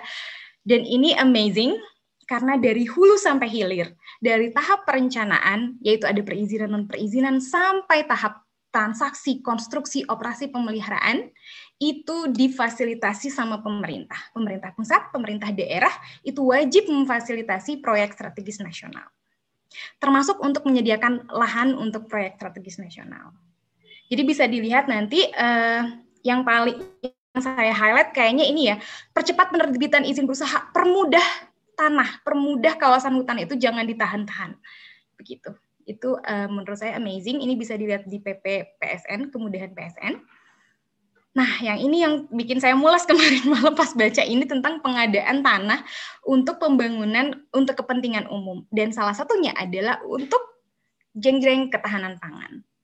Jadi ketahanan pangan sudah dibilang nih, ini adalah untuk ke, uh, kepentingan umum. Maka maka pemerintah itu bisa menetapkan ini lokasi untuk uh, pengadaan tanah untuk pembangunan umum dan seperti teman-teman bisa lihat yang ada Superman-nya ini adalah tidak lagi diperlukan 1 sampai 5, tidak lagi perlu AMDAL, nggak perlu lagi tuh Kak Indah, uh, Kak Ola di luar di luar kawasan gambut atau sepadan pantai itu tidak perlu dipertimbangkan lagi. Itu ada di PP 19 ya tentang penyelenggaraan pengadaan tanah bagi pembangunan untuk kepentingan umum asal sudah ditetapkan bisa oleh gubernur, bisa oleh bupati atau wali kota. Dan mungkin yang paling sedih adalah di sini masyarakat uh, kurang sekali ya ranah hak vetonya gitu ketika tanah mereka ditetapkan sebagai lokasi uh, pengadaan tanah untuk kepentingan umum. Saya juga takut digusur, saya sebelah markas pertahanan dan keamanan sebelah rumah gitu. Nah, ini yang terakhir. Maka kami mengajukan pertanyaan yang kami harap bisa dijawab uh, dengan dialogis ya oleh pemerintah. Cukupkah safeguards yang tersisa gitu? Yang ada adalah KLHS atau KLHS cepat, itu memang pemerintah menyatakan ini kami akan bikin master plan, kami akan bikin detailed engineering plan untuk kawasan hutan lindung, kami akan memastikan tidak pembatasan kerusakan. Tapi apakah ada jaminan untuk publik bahwa itu bisa ada akses, ada keterbukaan, dan ada keterlibatan luas. Dan ada di situ proses yang benar-benar suara rakyat ini bisa mempengaruhi hasil akhir atau itu hanya token saja. Dan apakah ada ruang aman untuk publik untuk mengajukan keberatan, termasuk baik yang di lokal ya yang tidak mau misalnya kebun karetnya jadi kebun singkong atau hutan kemenyannya jadi uh, sawah gitu, apakah ada ruang aman dan efektif untuk mengajukan keberatan dengan segala karpet merah regulasi tadi. Uh, itu saja sih sebenarnya dari dari saya. Jadi intinya uh, supaya aman ya, uh, aman udahlah keluarkan aja hutan alam dan lahan gambut gitu dari AOI Food Estate. Ayo fokus di lahan-lahan yang ada yang terdegradasi supaya Indonesia bisa kuat pangannya dan tercapai komitmen iklimnya. Uh, terima kasih teman-teman dan kami juga uh, bisa diakses ininya uh, web apa namanya kajiannya di website Madani dan juga di IG Madani. Terima kasih Kak Ola. Terima kasih Anggi. Jangan lupa juga besok Madani juga ada diskusi ya. Oh iya. ada webinar estate. Uh -uh. Dirjen Planologi dan Kementan uh, belum dapat konfirmasi sih, tapi mudah-mudahan ada orang yang mewakili supaya kita ada jawaban ya kak ya gitu. Ya betul. Uh, terima kasih Anggi, uh, menarik sekali paparannya. Jadi ini potensinya banyak ya, terutama ancaman terhadap hutan alam dan kawasan gambut itu akan berdampak pada krisis iklim ya. Ujung-ujungnya sebenarnya yang tadinya disebutkan untuk ketahanan pangan malah jadinya berlawanan dengan itu karena dampak-dampak uh, kerusakan tadi ya. Uh, terus juga alih-alih diketatin evaluasi, review, monitoring dan segala macam dan um, pengetatan pemberian izin malah dimudahkan sekarang. Itu tadi ngelihat paparannya itu saya kayak terpesona tapi terpesona dalam arti wow gampang banget ini mau buka food estate di kawasan hutan alam dan gabut itu kok kayak tinggal tinggal tunjuk tangan terus dapat gitu izin usahanya gitu. Oke, okay, um, baik tiga narasumber sudah uh, memaparkan materinya. Kita buka uh, tanya jawab ya. Silakan yang mau bertanya buat yang di YouTube dan di Facebook juga silakan tuliskan di komen. Nanti kita jawab di sini. Um, Ya, silakan tadi dari Pak Fatur sudah dijawab sama Anggi ya. Um, masih ada yang mau ditanya lagi Pak Fatur? Apa sudah cukup jelas? Cukup, Mbak. Cukup. Terima kasih, Pak. Um, silakan teman-teman yang lain kalau mau bertanya kepada narasumber, silakan ditulis atau bisa raise hand kalau mau nanya langsung. Kita masih punya waktu cukup nih.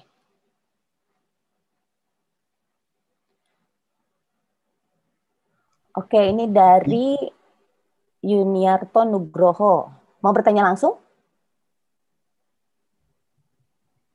Mbak. Ya, silakan. Uh, gini, uh, halo teman-teman. Aduh, ini teman lama semua.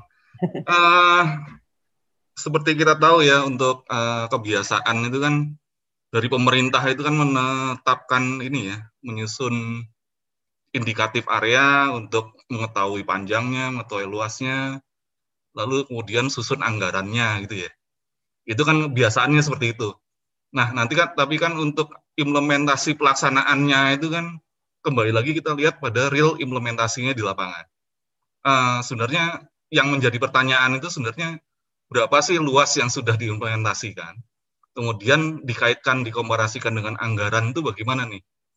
Artinya apakah semua anggaran yang sudah dianggarkan oleh pemerintah itu sudah terpakai secara keseluruhan kan?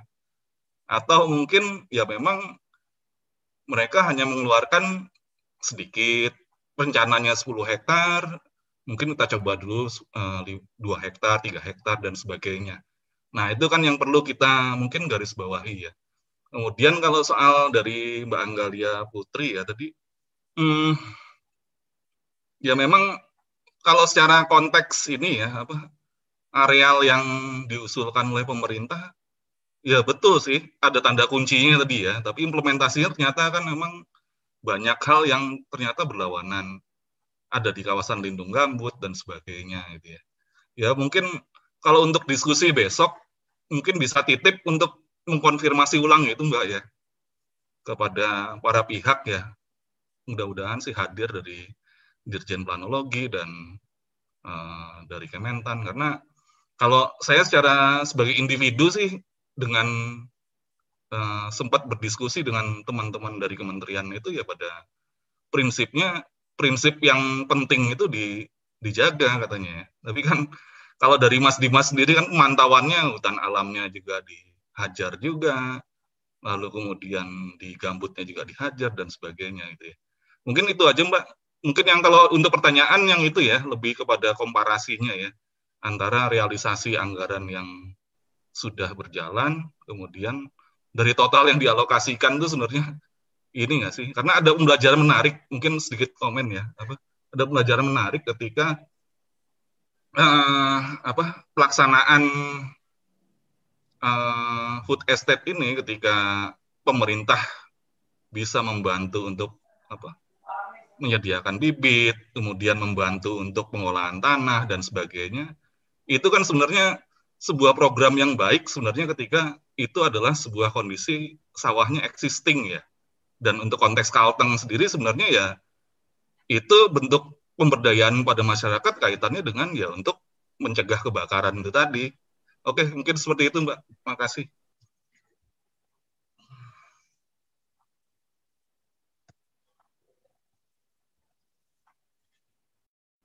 Tadi ditujukan ke siapa Mas Siniarto pertanyaannya? Kayaknya mungkin ke semua mungkin yang bisa jawab ya.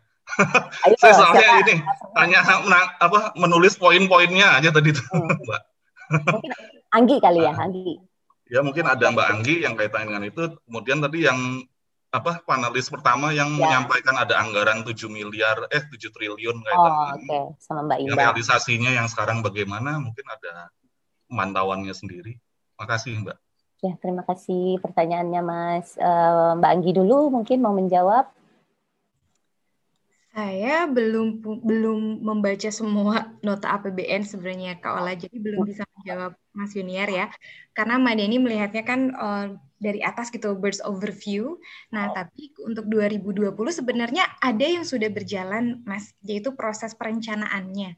Pemerintah kan sistematis ya pertama perencanaannya yaitu uh, KL, KLHK melakukan KLHS cepat. Nah, itu uh, bisa dilihat anggarannya di Dirjen mana itu ada di nota RAPBN untuk melakukan KLHS cepat.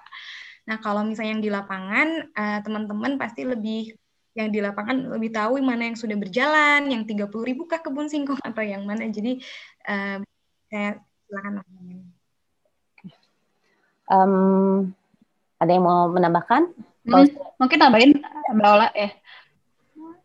Ya, uh, jadi saya dapat satu data um, itu dari Direktorat Jenderal Sumber Daya Air, uh, Kementerian Pekerjaan Umum dan Perumahan Rakyat, uh, di mana disebut dilakukan untuk rehabilitasi dan peningkatan jaringan irigasi pada blok B, E sama D itu seluas 91.500 hektar. Itu akan dilelang pada tanggal sebenarnya udah kemarin sih 28 September 2020 dan target kontraknya itu per Januari 2021. Nah, ini kita nggak tahu sebenarnya udah kejadian atau belum si kontraknya ini. Uh, cuma untuk satu tahun kontrak untuk mengelola rehabilitasi di 91.500 hektar itu akan memakan 4,4 triliun gitu. Nah, um, dan kalau misalnya food estate yang besarnya itu tadi yang 104 um, triliun tadi gitu. Mm, cuma dalam satu tahun ini uh, kemungkinan yang 4,4 triliun. Cuma lagi-lagi um, berita tentang food estate ini kan progresnya sangat dinamis gitu ya. Uh, bisa dalam bulan depan tuh ada kabar baru lagi daerahnya udah ada yang dibuka berapa puluh hektar, terus dananya ternyata udah keluar lagi.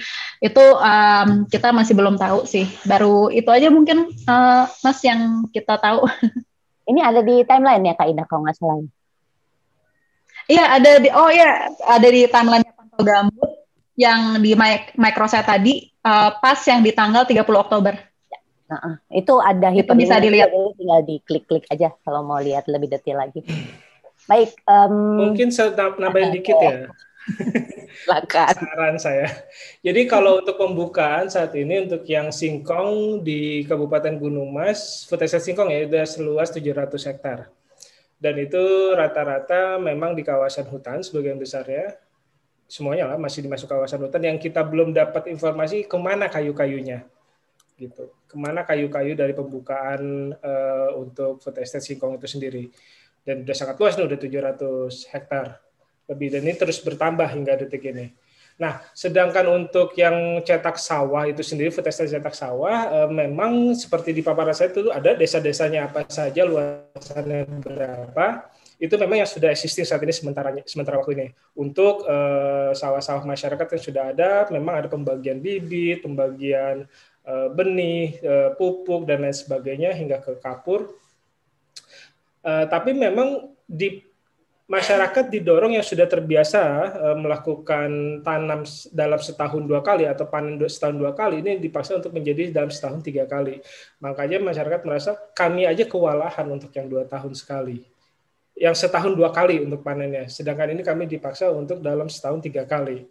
Nah, ini yang menjadi uh, masyarakat um, merasa ini terlalu mendadak dan tidak sesuai dengan uh, apa yang biasa kami lakukan itu satu. Dan itu pun akhirnya dipermasalahkan oleh pemerintah daerah karena dianggap masyarakat tidak siap dengan skema yang ada. Seperti itu. Itu mungkin uh, tambahnya. Sama juga pendapat masyarakat terkait pola tanam, jadwal tanam yang tidak sesuai dengan uh, apa yang menjadi kebiasaan masyarakat. Oke, terima kasih Kak Dimas tambahannya lengkap sudah dijawab sama tiga-tiganya satu pertanyaan. Uh, kita ke YouTube dulu ya. Ini ada yang nanya di di YouTube nih. Dari Farih Winrock. Pertanyaannya, terutama di Kalimantan Tengah, sejauh mana kawasan gambut untuk food estate memenuhi prasyarat budidaya lahan gambut? Eh, bebu, prasyarat budidaya lahan di gambut, seperti menjaga water table maksimal 30% terkait ketahanan pangan. Mungkin Mbak Indah bisa jawab ini? Hmm, bisa. Um, kalau misalnya di kawasan yang XPLG um, itu kan 64 persen ya sebenarnya merupakan gambut lindung uh, di mana gambut lindung itu uh, dia lebih dari 3, 3 meter ya kedalamannya um, dan seharusnya tidak boleh dieksploitasi sama sekali. Um, nah untuk peraturan uh, konservasi gambutnya sendiri sebenarnya harusnya masih berlaku gitu ya.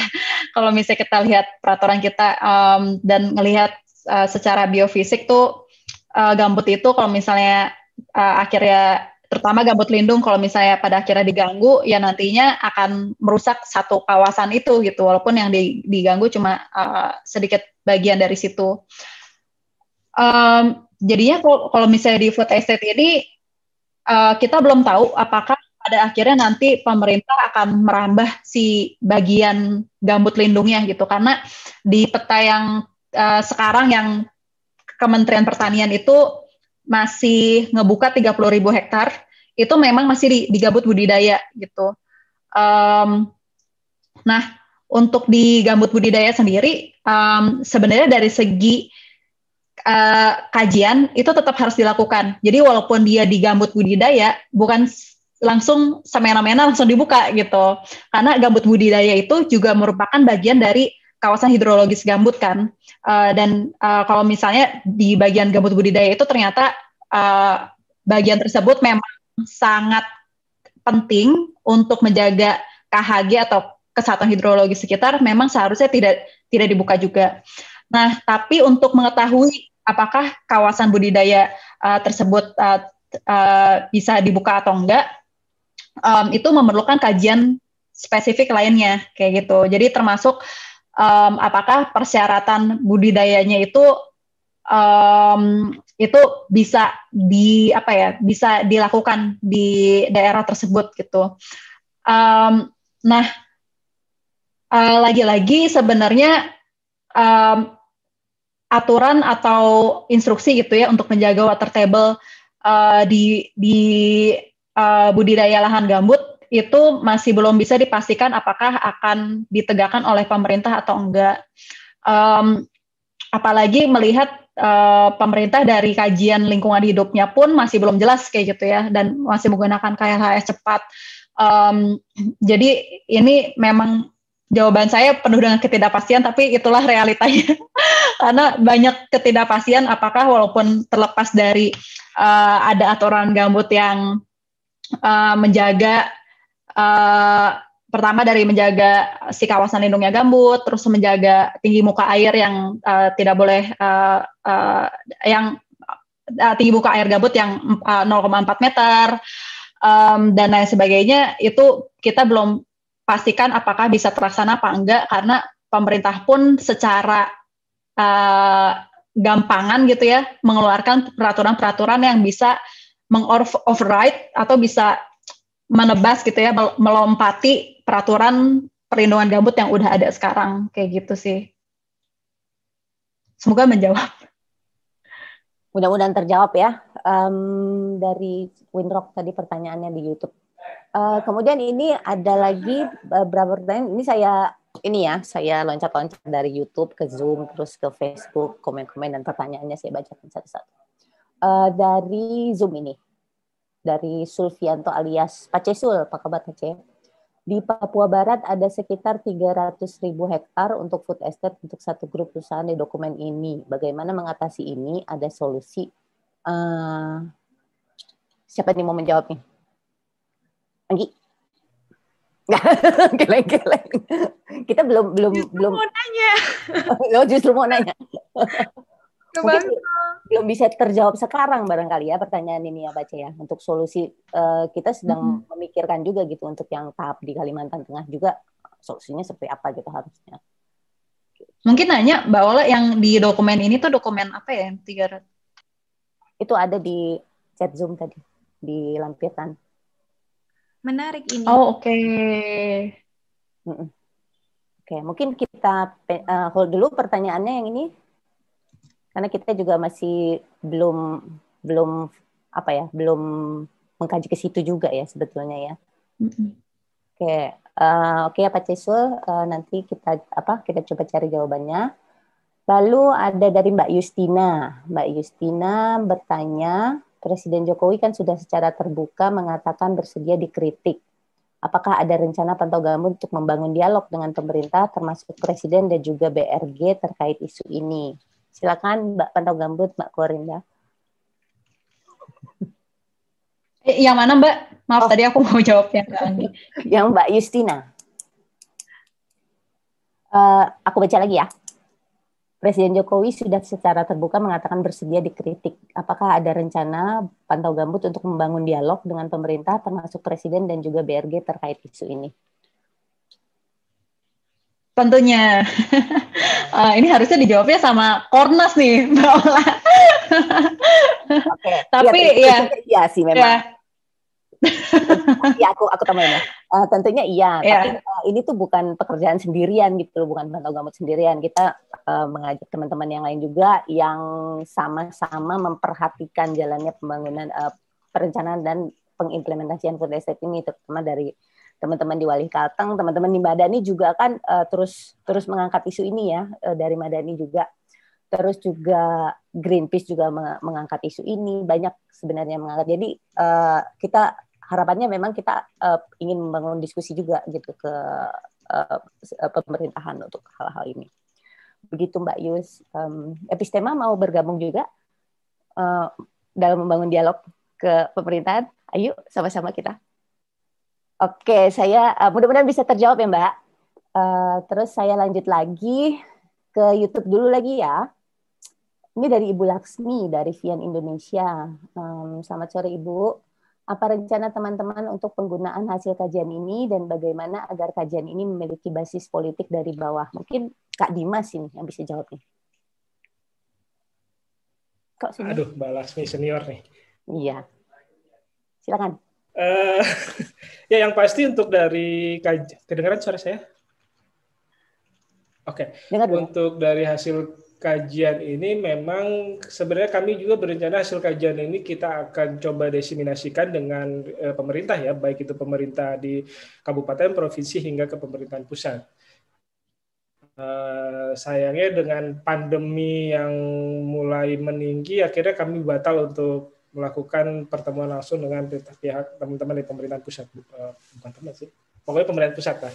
Nah, untuk di masyarakat sendiri kan memang harus eh, kita membuat harus bersama-sama untuk masyarakat dalam hal proses monitoring ke depannya.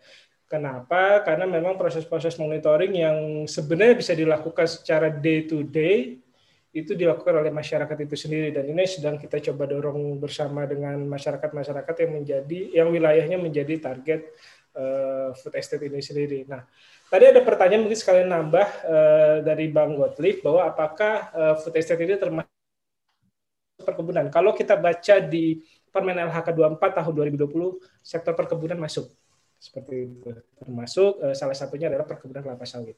Mungkin itu tambahannya. Terima kasih.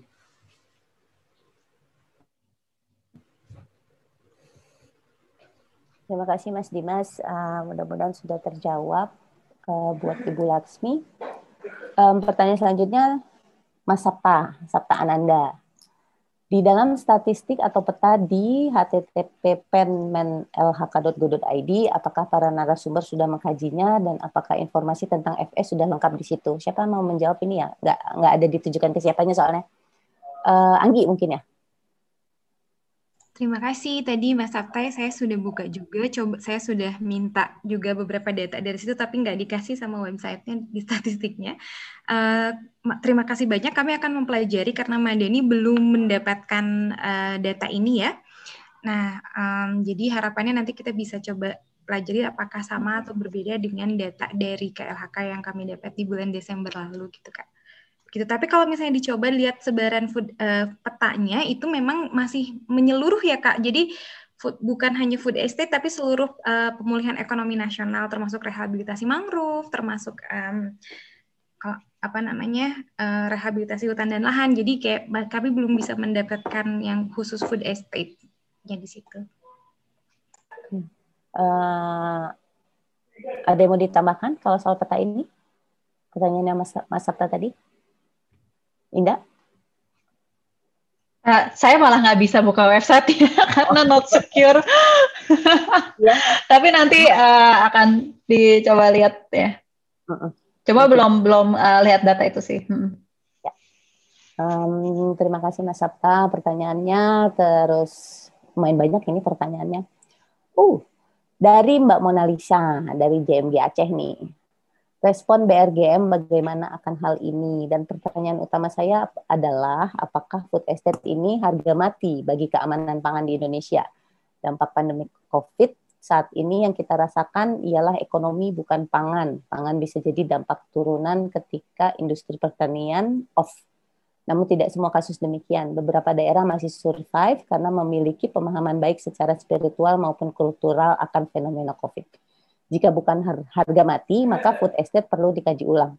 Uh, jadi pertanyaannya itu apakah food estate ini harga mati bagi keamanan pangan di Indonesia? Kak Dimas, gimana Kak Dimas? Ya, seperti yang saya bilang sebelumnya, sebenarnya kalau food estate ini bukan harga mati ya, uh, karena gini, uh, kalau pemerintah melakukan pendataan wilayah-wilayah lahan pertanian perladangan masyarakat yang tersebar di seluruh Indonesia, yang kondisinya terancam dalam arti seperti saya bilang sebelumnya terancam karena masuk kawasan hutan tidak ada pengakuan dari pemerintah terus terancam karena karena adanya investasi dan lain sebagainya itu sebenarnya tidak perlu dilakukan free estate. Sayangnya hal itu tidak pernah dilakukan gitu. Jadi tidak memang terdata dengan baik oleh pemerintah baik itu di pemerintahan daerah maupun hingga ke pemerintahan pusat. Sehingga memang kalau kami melihat food estate ini merupakan industri yang didorong dalam hal sektor pertanian seperti itu. Jadi bukan demi kepentingan uh, sektor pertanian masyarakat secara keseluruhan itu sendiri. Itu tambahannya. Baik, terima kasih.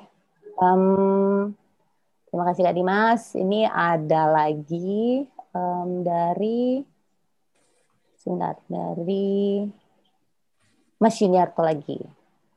Uh, budidaya pun dalam kenyataannya oh ini bukan oke. Okay. Gambut budidaya pun dalam kenyataannya di lapangan bisa lebih dari kedalaman 3 meter. Dalam PP Gambut ataupun Undang-Undang 32 seharusnya itu masuk dalam lindung gambut kan? Penentuan lindung gambut adalah 30% dari luas KG. Jadi pertanyaannya uh, gambut budidaya yang lebih dari 3 meter tadi masuk dalam lindung gambut kan? Iya, gitu jawabannya sih sebenarnya. Iya, gitu. Iya. okay. Mungkin ta tambahan yeah. aja mungkin ya uh, buat itu menjawab Mas Yun, apa Yuniarto tadi. Ya, uh, kalau kita baca kajian yang dibuat almarhum Suido Limin, ya, pakar gambut di Kalteng, bahwa meskipun gambut tersebut berada di kedalaman kurang dari satu meter, apabila di bawah terdapat pirit, maka itu statusnya harus dikonservasi. Karena ketika pirit itu terekspos keluar, maka itu akan berdampak buruk bagi kondisi lingkungan sekitarnya, termasuk kondisi kesehatan. Kenapa? Kalau kita mengaca pada kebakaran tahun 2015 maupun 2019, eh, teman-teman sudah mengetahui bahwa ada warna oranye di udara karena faktor kebakaran gambut, itulah pirit yang terbakar, pirit yang terekspos. Hmm. Seperti itu. Oke, terima kasih. Ini ada lagi dari Godlift, Pace Godlift nih. Apa kabar Pace? Uh, apakah food estate diperuntukkan juga untuk sawit? Kak Dimas mungkin ya? Mau jawab? Tadi sudah saya jawab. Oh, gimana? Uh, jadi memang uh, oh, belum. Okay. kalau kita melihat di Permen LHK nomor 24 tahun 2020 uh, bahwa uh, perkebunan masuk food estate atau masuk ke sektor pangan, termasuk perkebunan kelapa sawit itu sendiri. Oke, sudah terjawab Pak Cigotli? Oke, terima kasih. Ada lagi nih dari Ali Afriandi. Apakah ada kajian atau studi kelayakan tanah untuk bisa menanam suatu komoditas tertentu di seluruh wilayah areal food estate? Mbak Indah.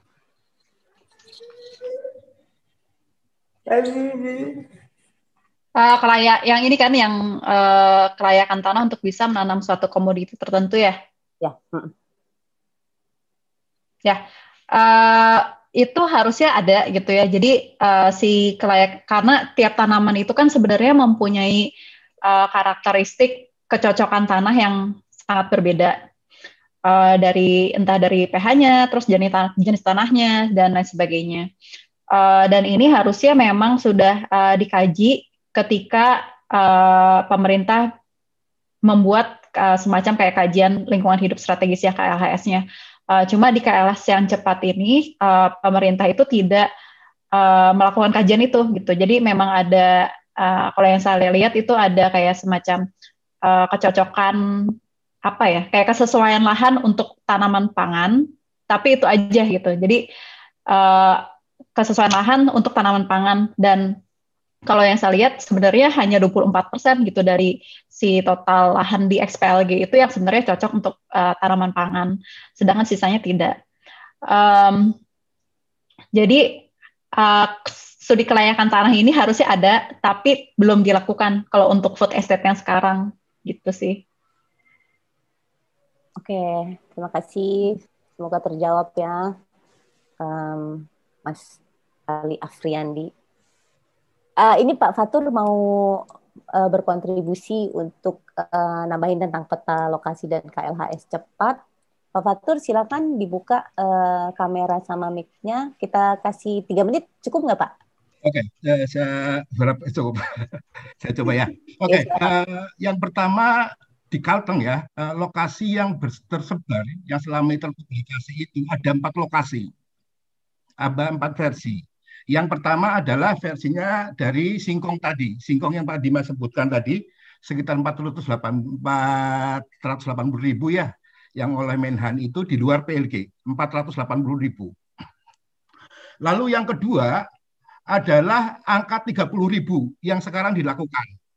Ya, hmm. itu dilakukan di 15 kecamatan, 105 desa, dua kabupaten. Itu yang oleh Kementan.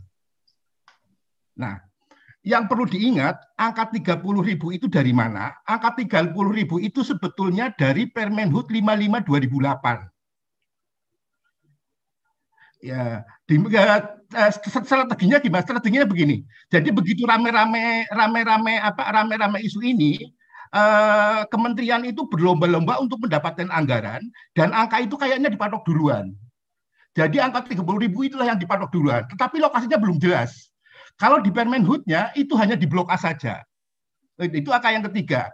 Angka yang keempat yang 165 ribu, angka 165 ribu itu berasal dari 300 ribu. 300 ribu itu dari studi master plan SPLG. Hanya di blok A sama D saja. Blok A sama D saja. Nah, lalu kemudian eh, ya, sama seperti tadi angka 30 ribu diajukan, lalu yang fungsional hanya 165 ribu. Lalu ketemulah itu di blok A, B, C, D, E dan sekitar PLG di luar blok E. Ini yang oleh PU. Ya, caranya sama seperti tadi. Angka ini patok dulu dimasukin di anggaran dulu, biar anggarannya keluar. Lokasinya nanti dulu. Jadi dulunya itu hanya di blok A sama D saja. Ini eh, tentang lokasi-lokasi tadi. Apakah saling sinergis? Tidak, sama sekali tidak. Jadi kalau kemudian kita bandingkan eh, lokasi yang 30 ribu yang sekarang jalan dengan kemudian 160 ribu, jangan-jangan nggak sama. Termasuk juga nanti ketika ngomongin sumber dayanya. Apalagi maaf aja, kita kan beda-beda tipis ketika ngomongin korporasi dengan koperasi. Di mana kemudian people center development-nya yang ditawar-tawarkan dari awal. Kita belum sampai sana, sangat jauh sekali. Dari lokasi itu sangat Nah, yang keempat, angka yang sangat misterius lagi adalah angka yang disampaikan Pak Jokowi dua, uh, pada tanggal 23 September pada saat ratas, rapat terbatas. Tadi di timeline-nya Pak Togambut apa uh, tanggal itu muncul, tetapi yang dimunculkan justru pernyataannya Prabowo tentang persetujuannya. Sebetulnya di saat itu Pak Jokowi ngomongin 770 ribu yang di PLG. Ini yang angka KLHS. Nah ini yang KLHS ini yang saya mau terangin, ini yang sangat hati-hati sekali.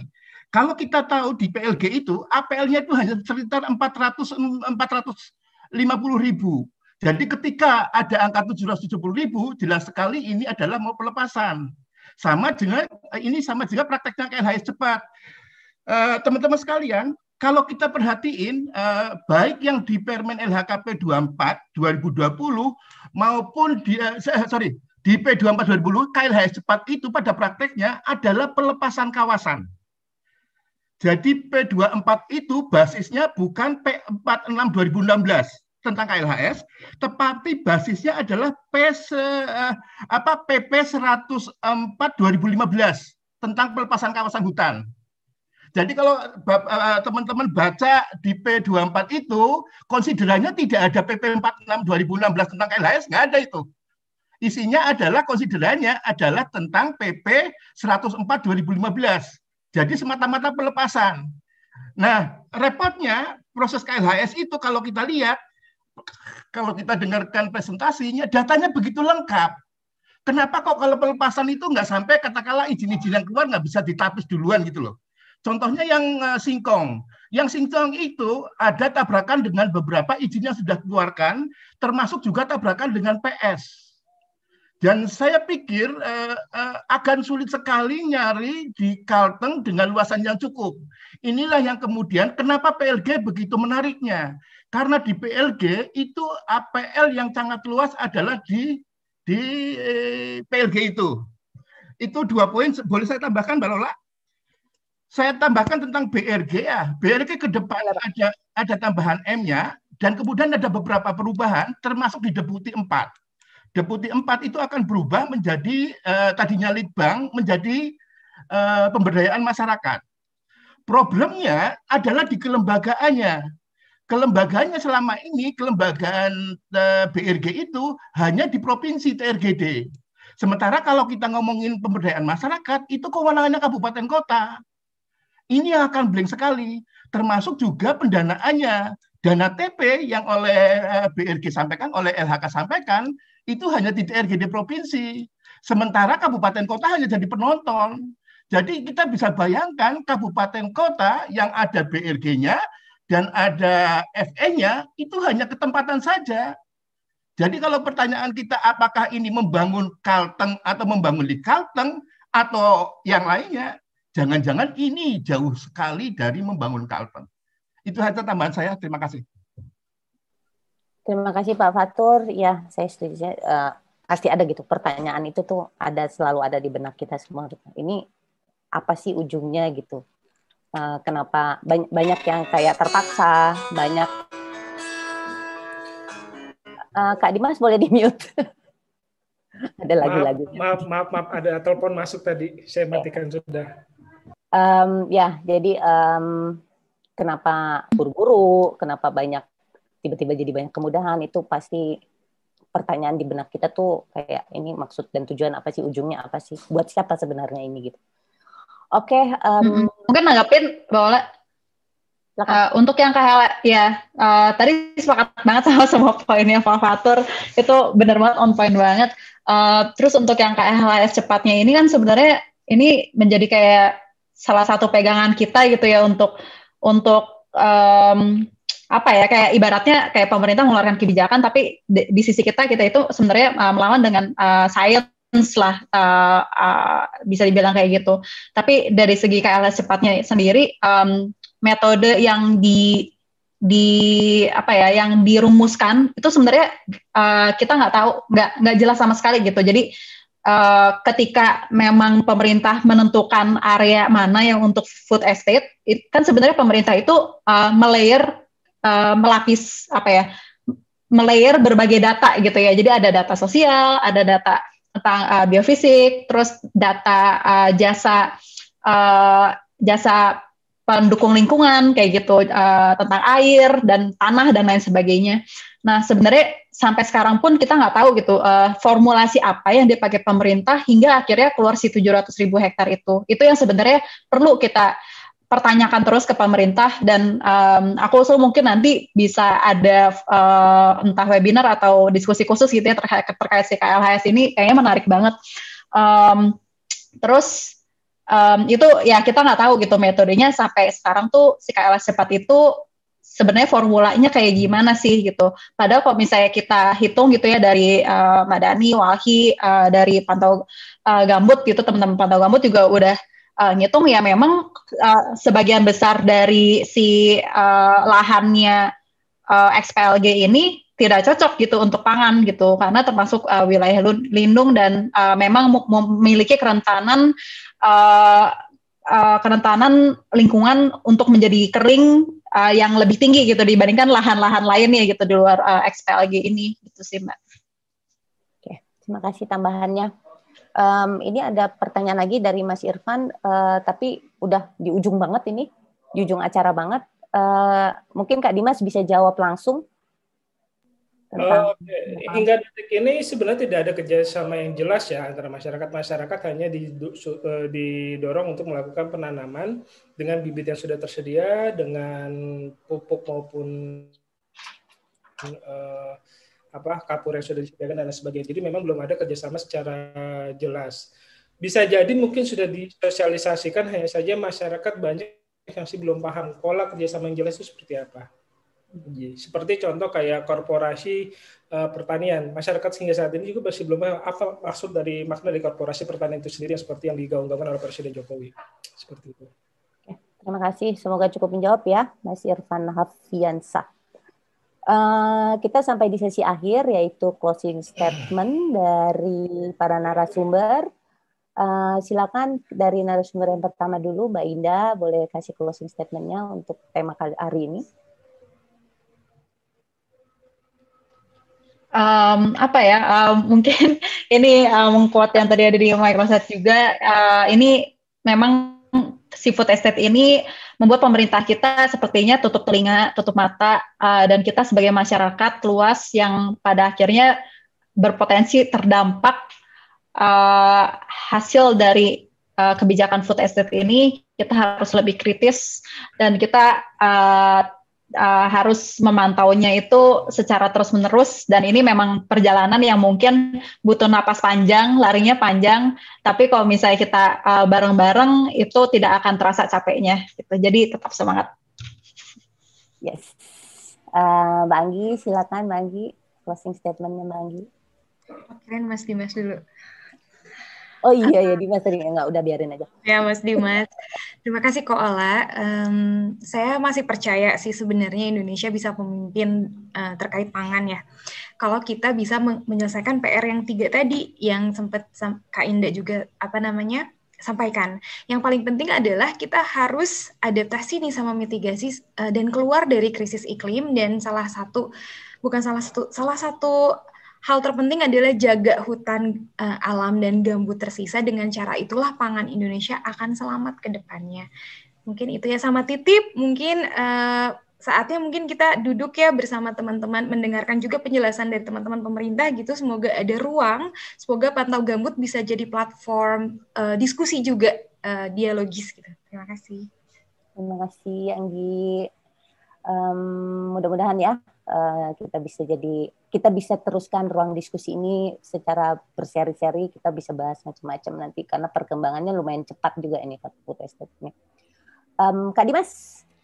Ya, eh, kalau kami melihatnya sebenarnya keterbukaan informasi yang dibuka seluas-luasnya ya hingga detik ini kan memang banyak informasi yang masih simpang siur terkait food estate ini sehingga memang eh, sengaja terkesan sengaja untuk membingungkan baik itu membingungkan masyarakat sipil maupun membingungkan eh, masyarakat yang eh, berada di lokasi target food estate itu sendiri. Jadi memang keterbukaan informasi menjadi sangat penting dan peran serta eh, masyarakat itu menjadi hal yang utama dalam hal menentukan apa yang menjadi kebutuhannya mereka.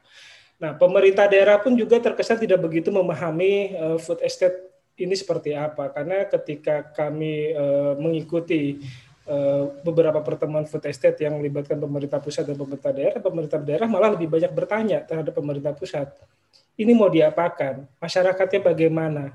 Nah, jadi memang menjadi lebih baik lagi pemerintah daerah pun membuat kajian yang lebih mengarah pada kebutuhan di masyarakatnya seperti apa. Jangan sampai hanya karena ini program nasional, program pusat, eh, pemerintah daerah hanya mengikuti atau mengekori tanpa melihat apa yang menjadi kebutuhan di daerahnya sendiri gitu. Jadi memang harus ada uh, keberanian dari pemerintah daerah untuk membuat kajian yang lebih komprehensif terkait kebutuhan food estate ini demi kemajuan kita semua. Terima kasih.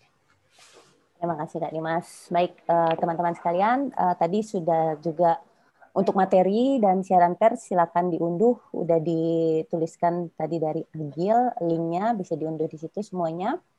Uh, kemudian um, jangan lupa juga untuk kunjungi microsite uh, food estate tadi, kemudian di akhir bisa eh, sama-sama uh, memberikan komentar, kritik, bahkan pertanyaan yang bisa di-share uh, dari button share yang terakhir tadi ditujukan kepada pejabat-pejabat pemerintah yang berkaitan dengan uh, isu ini.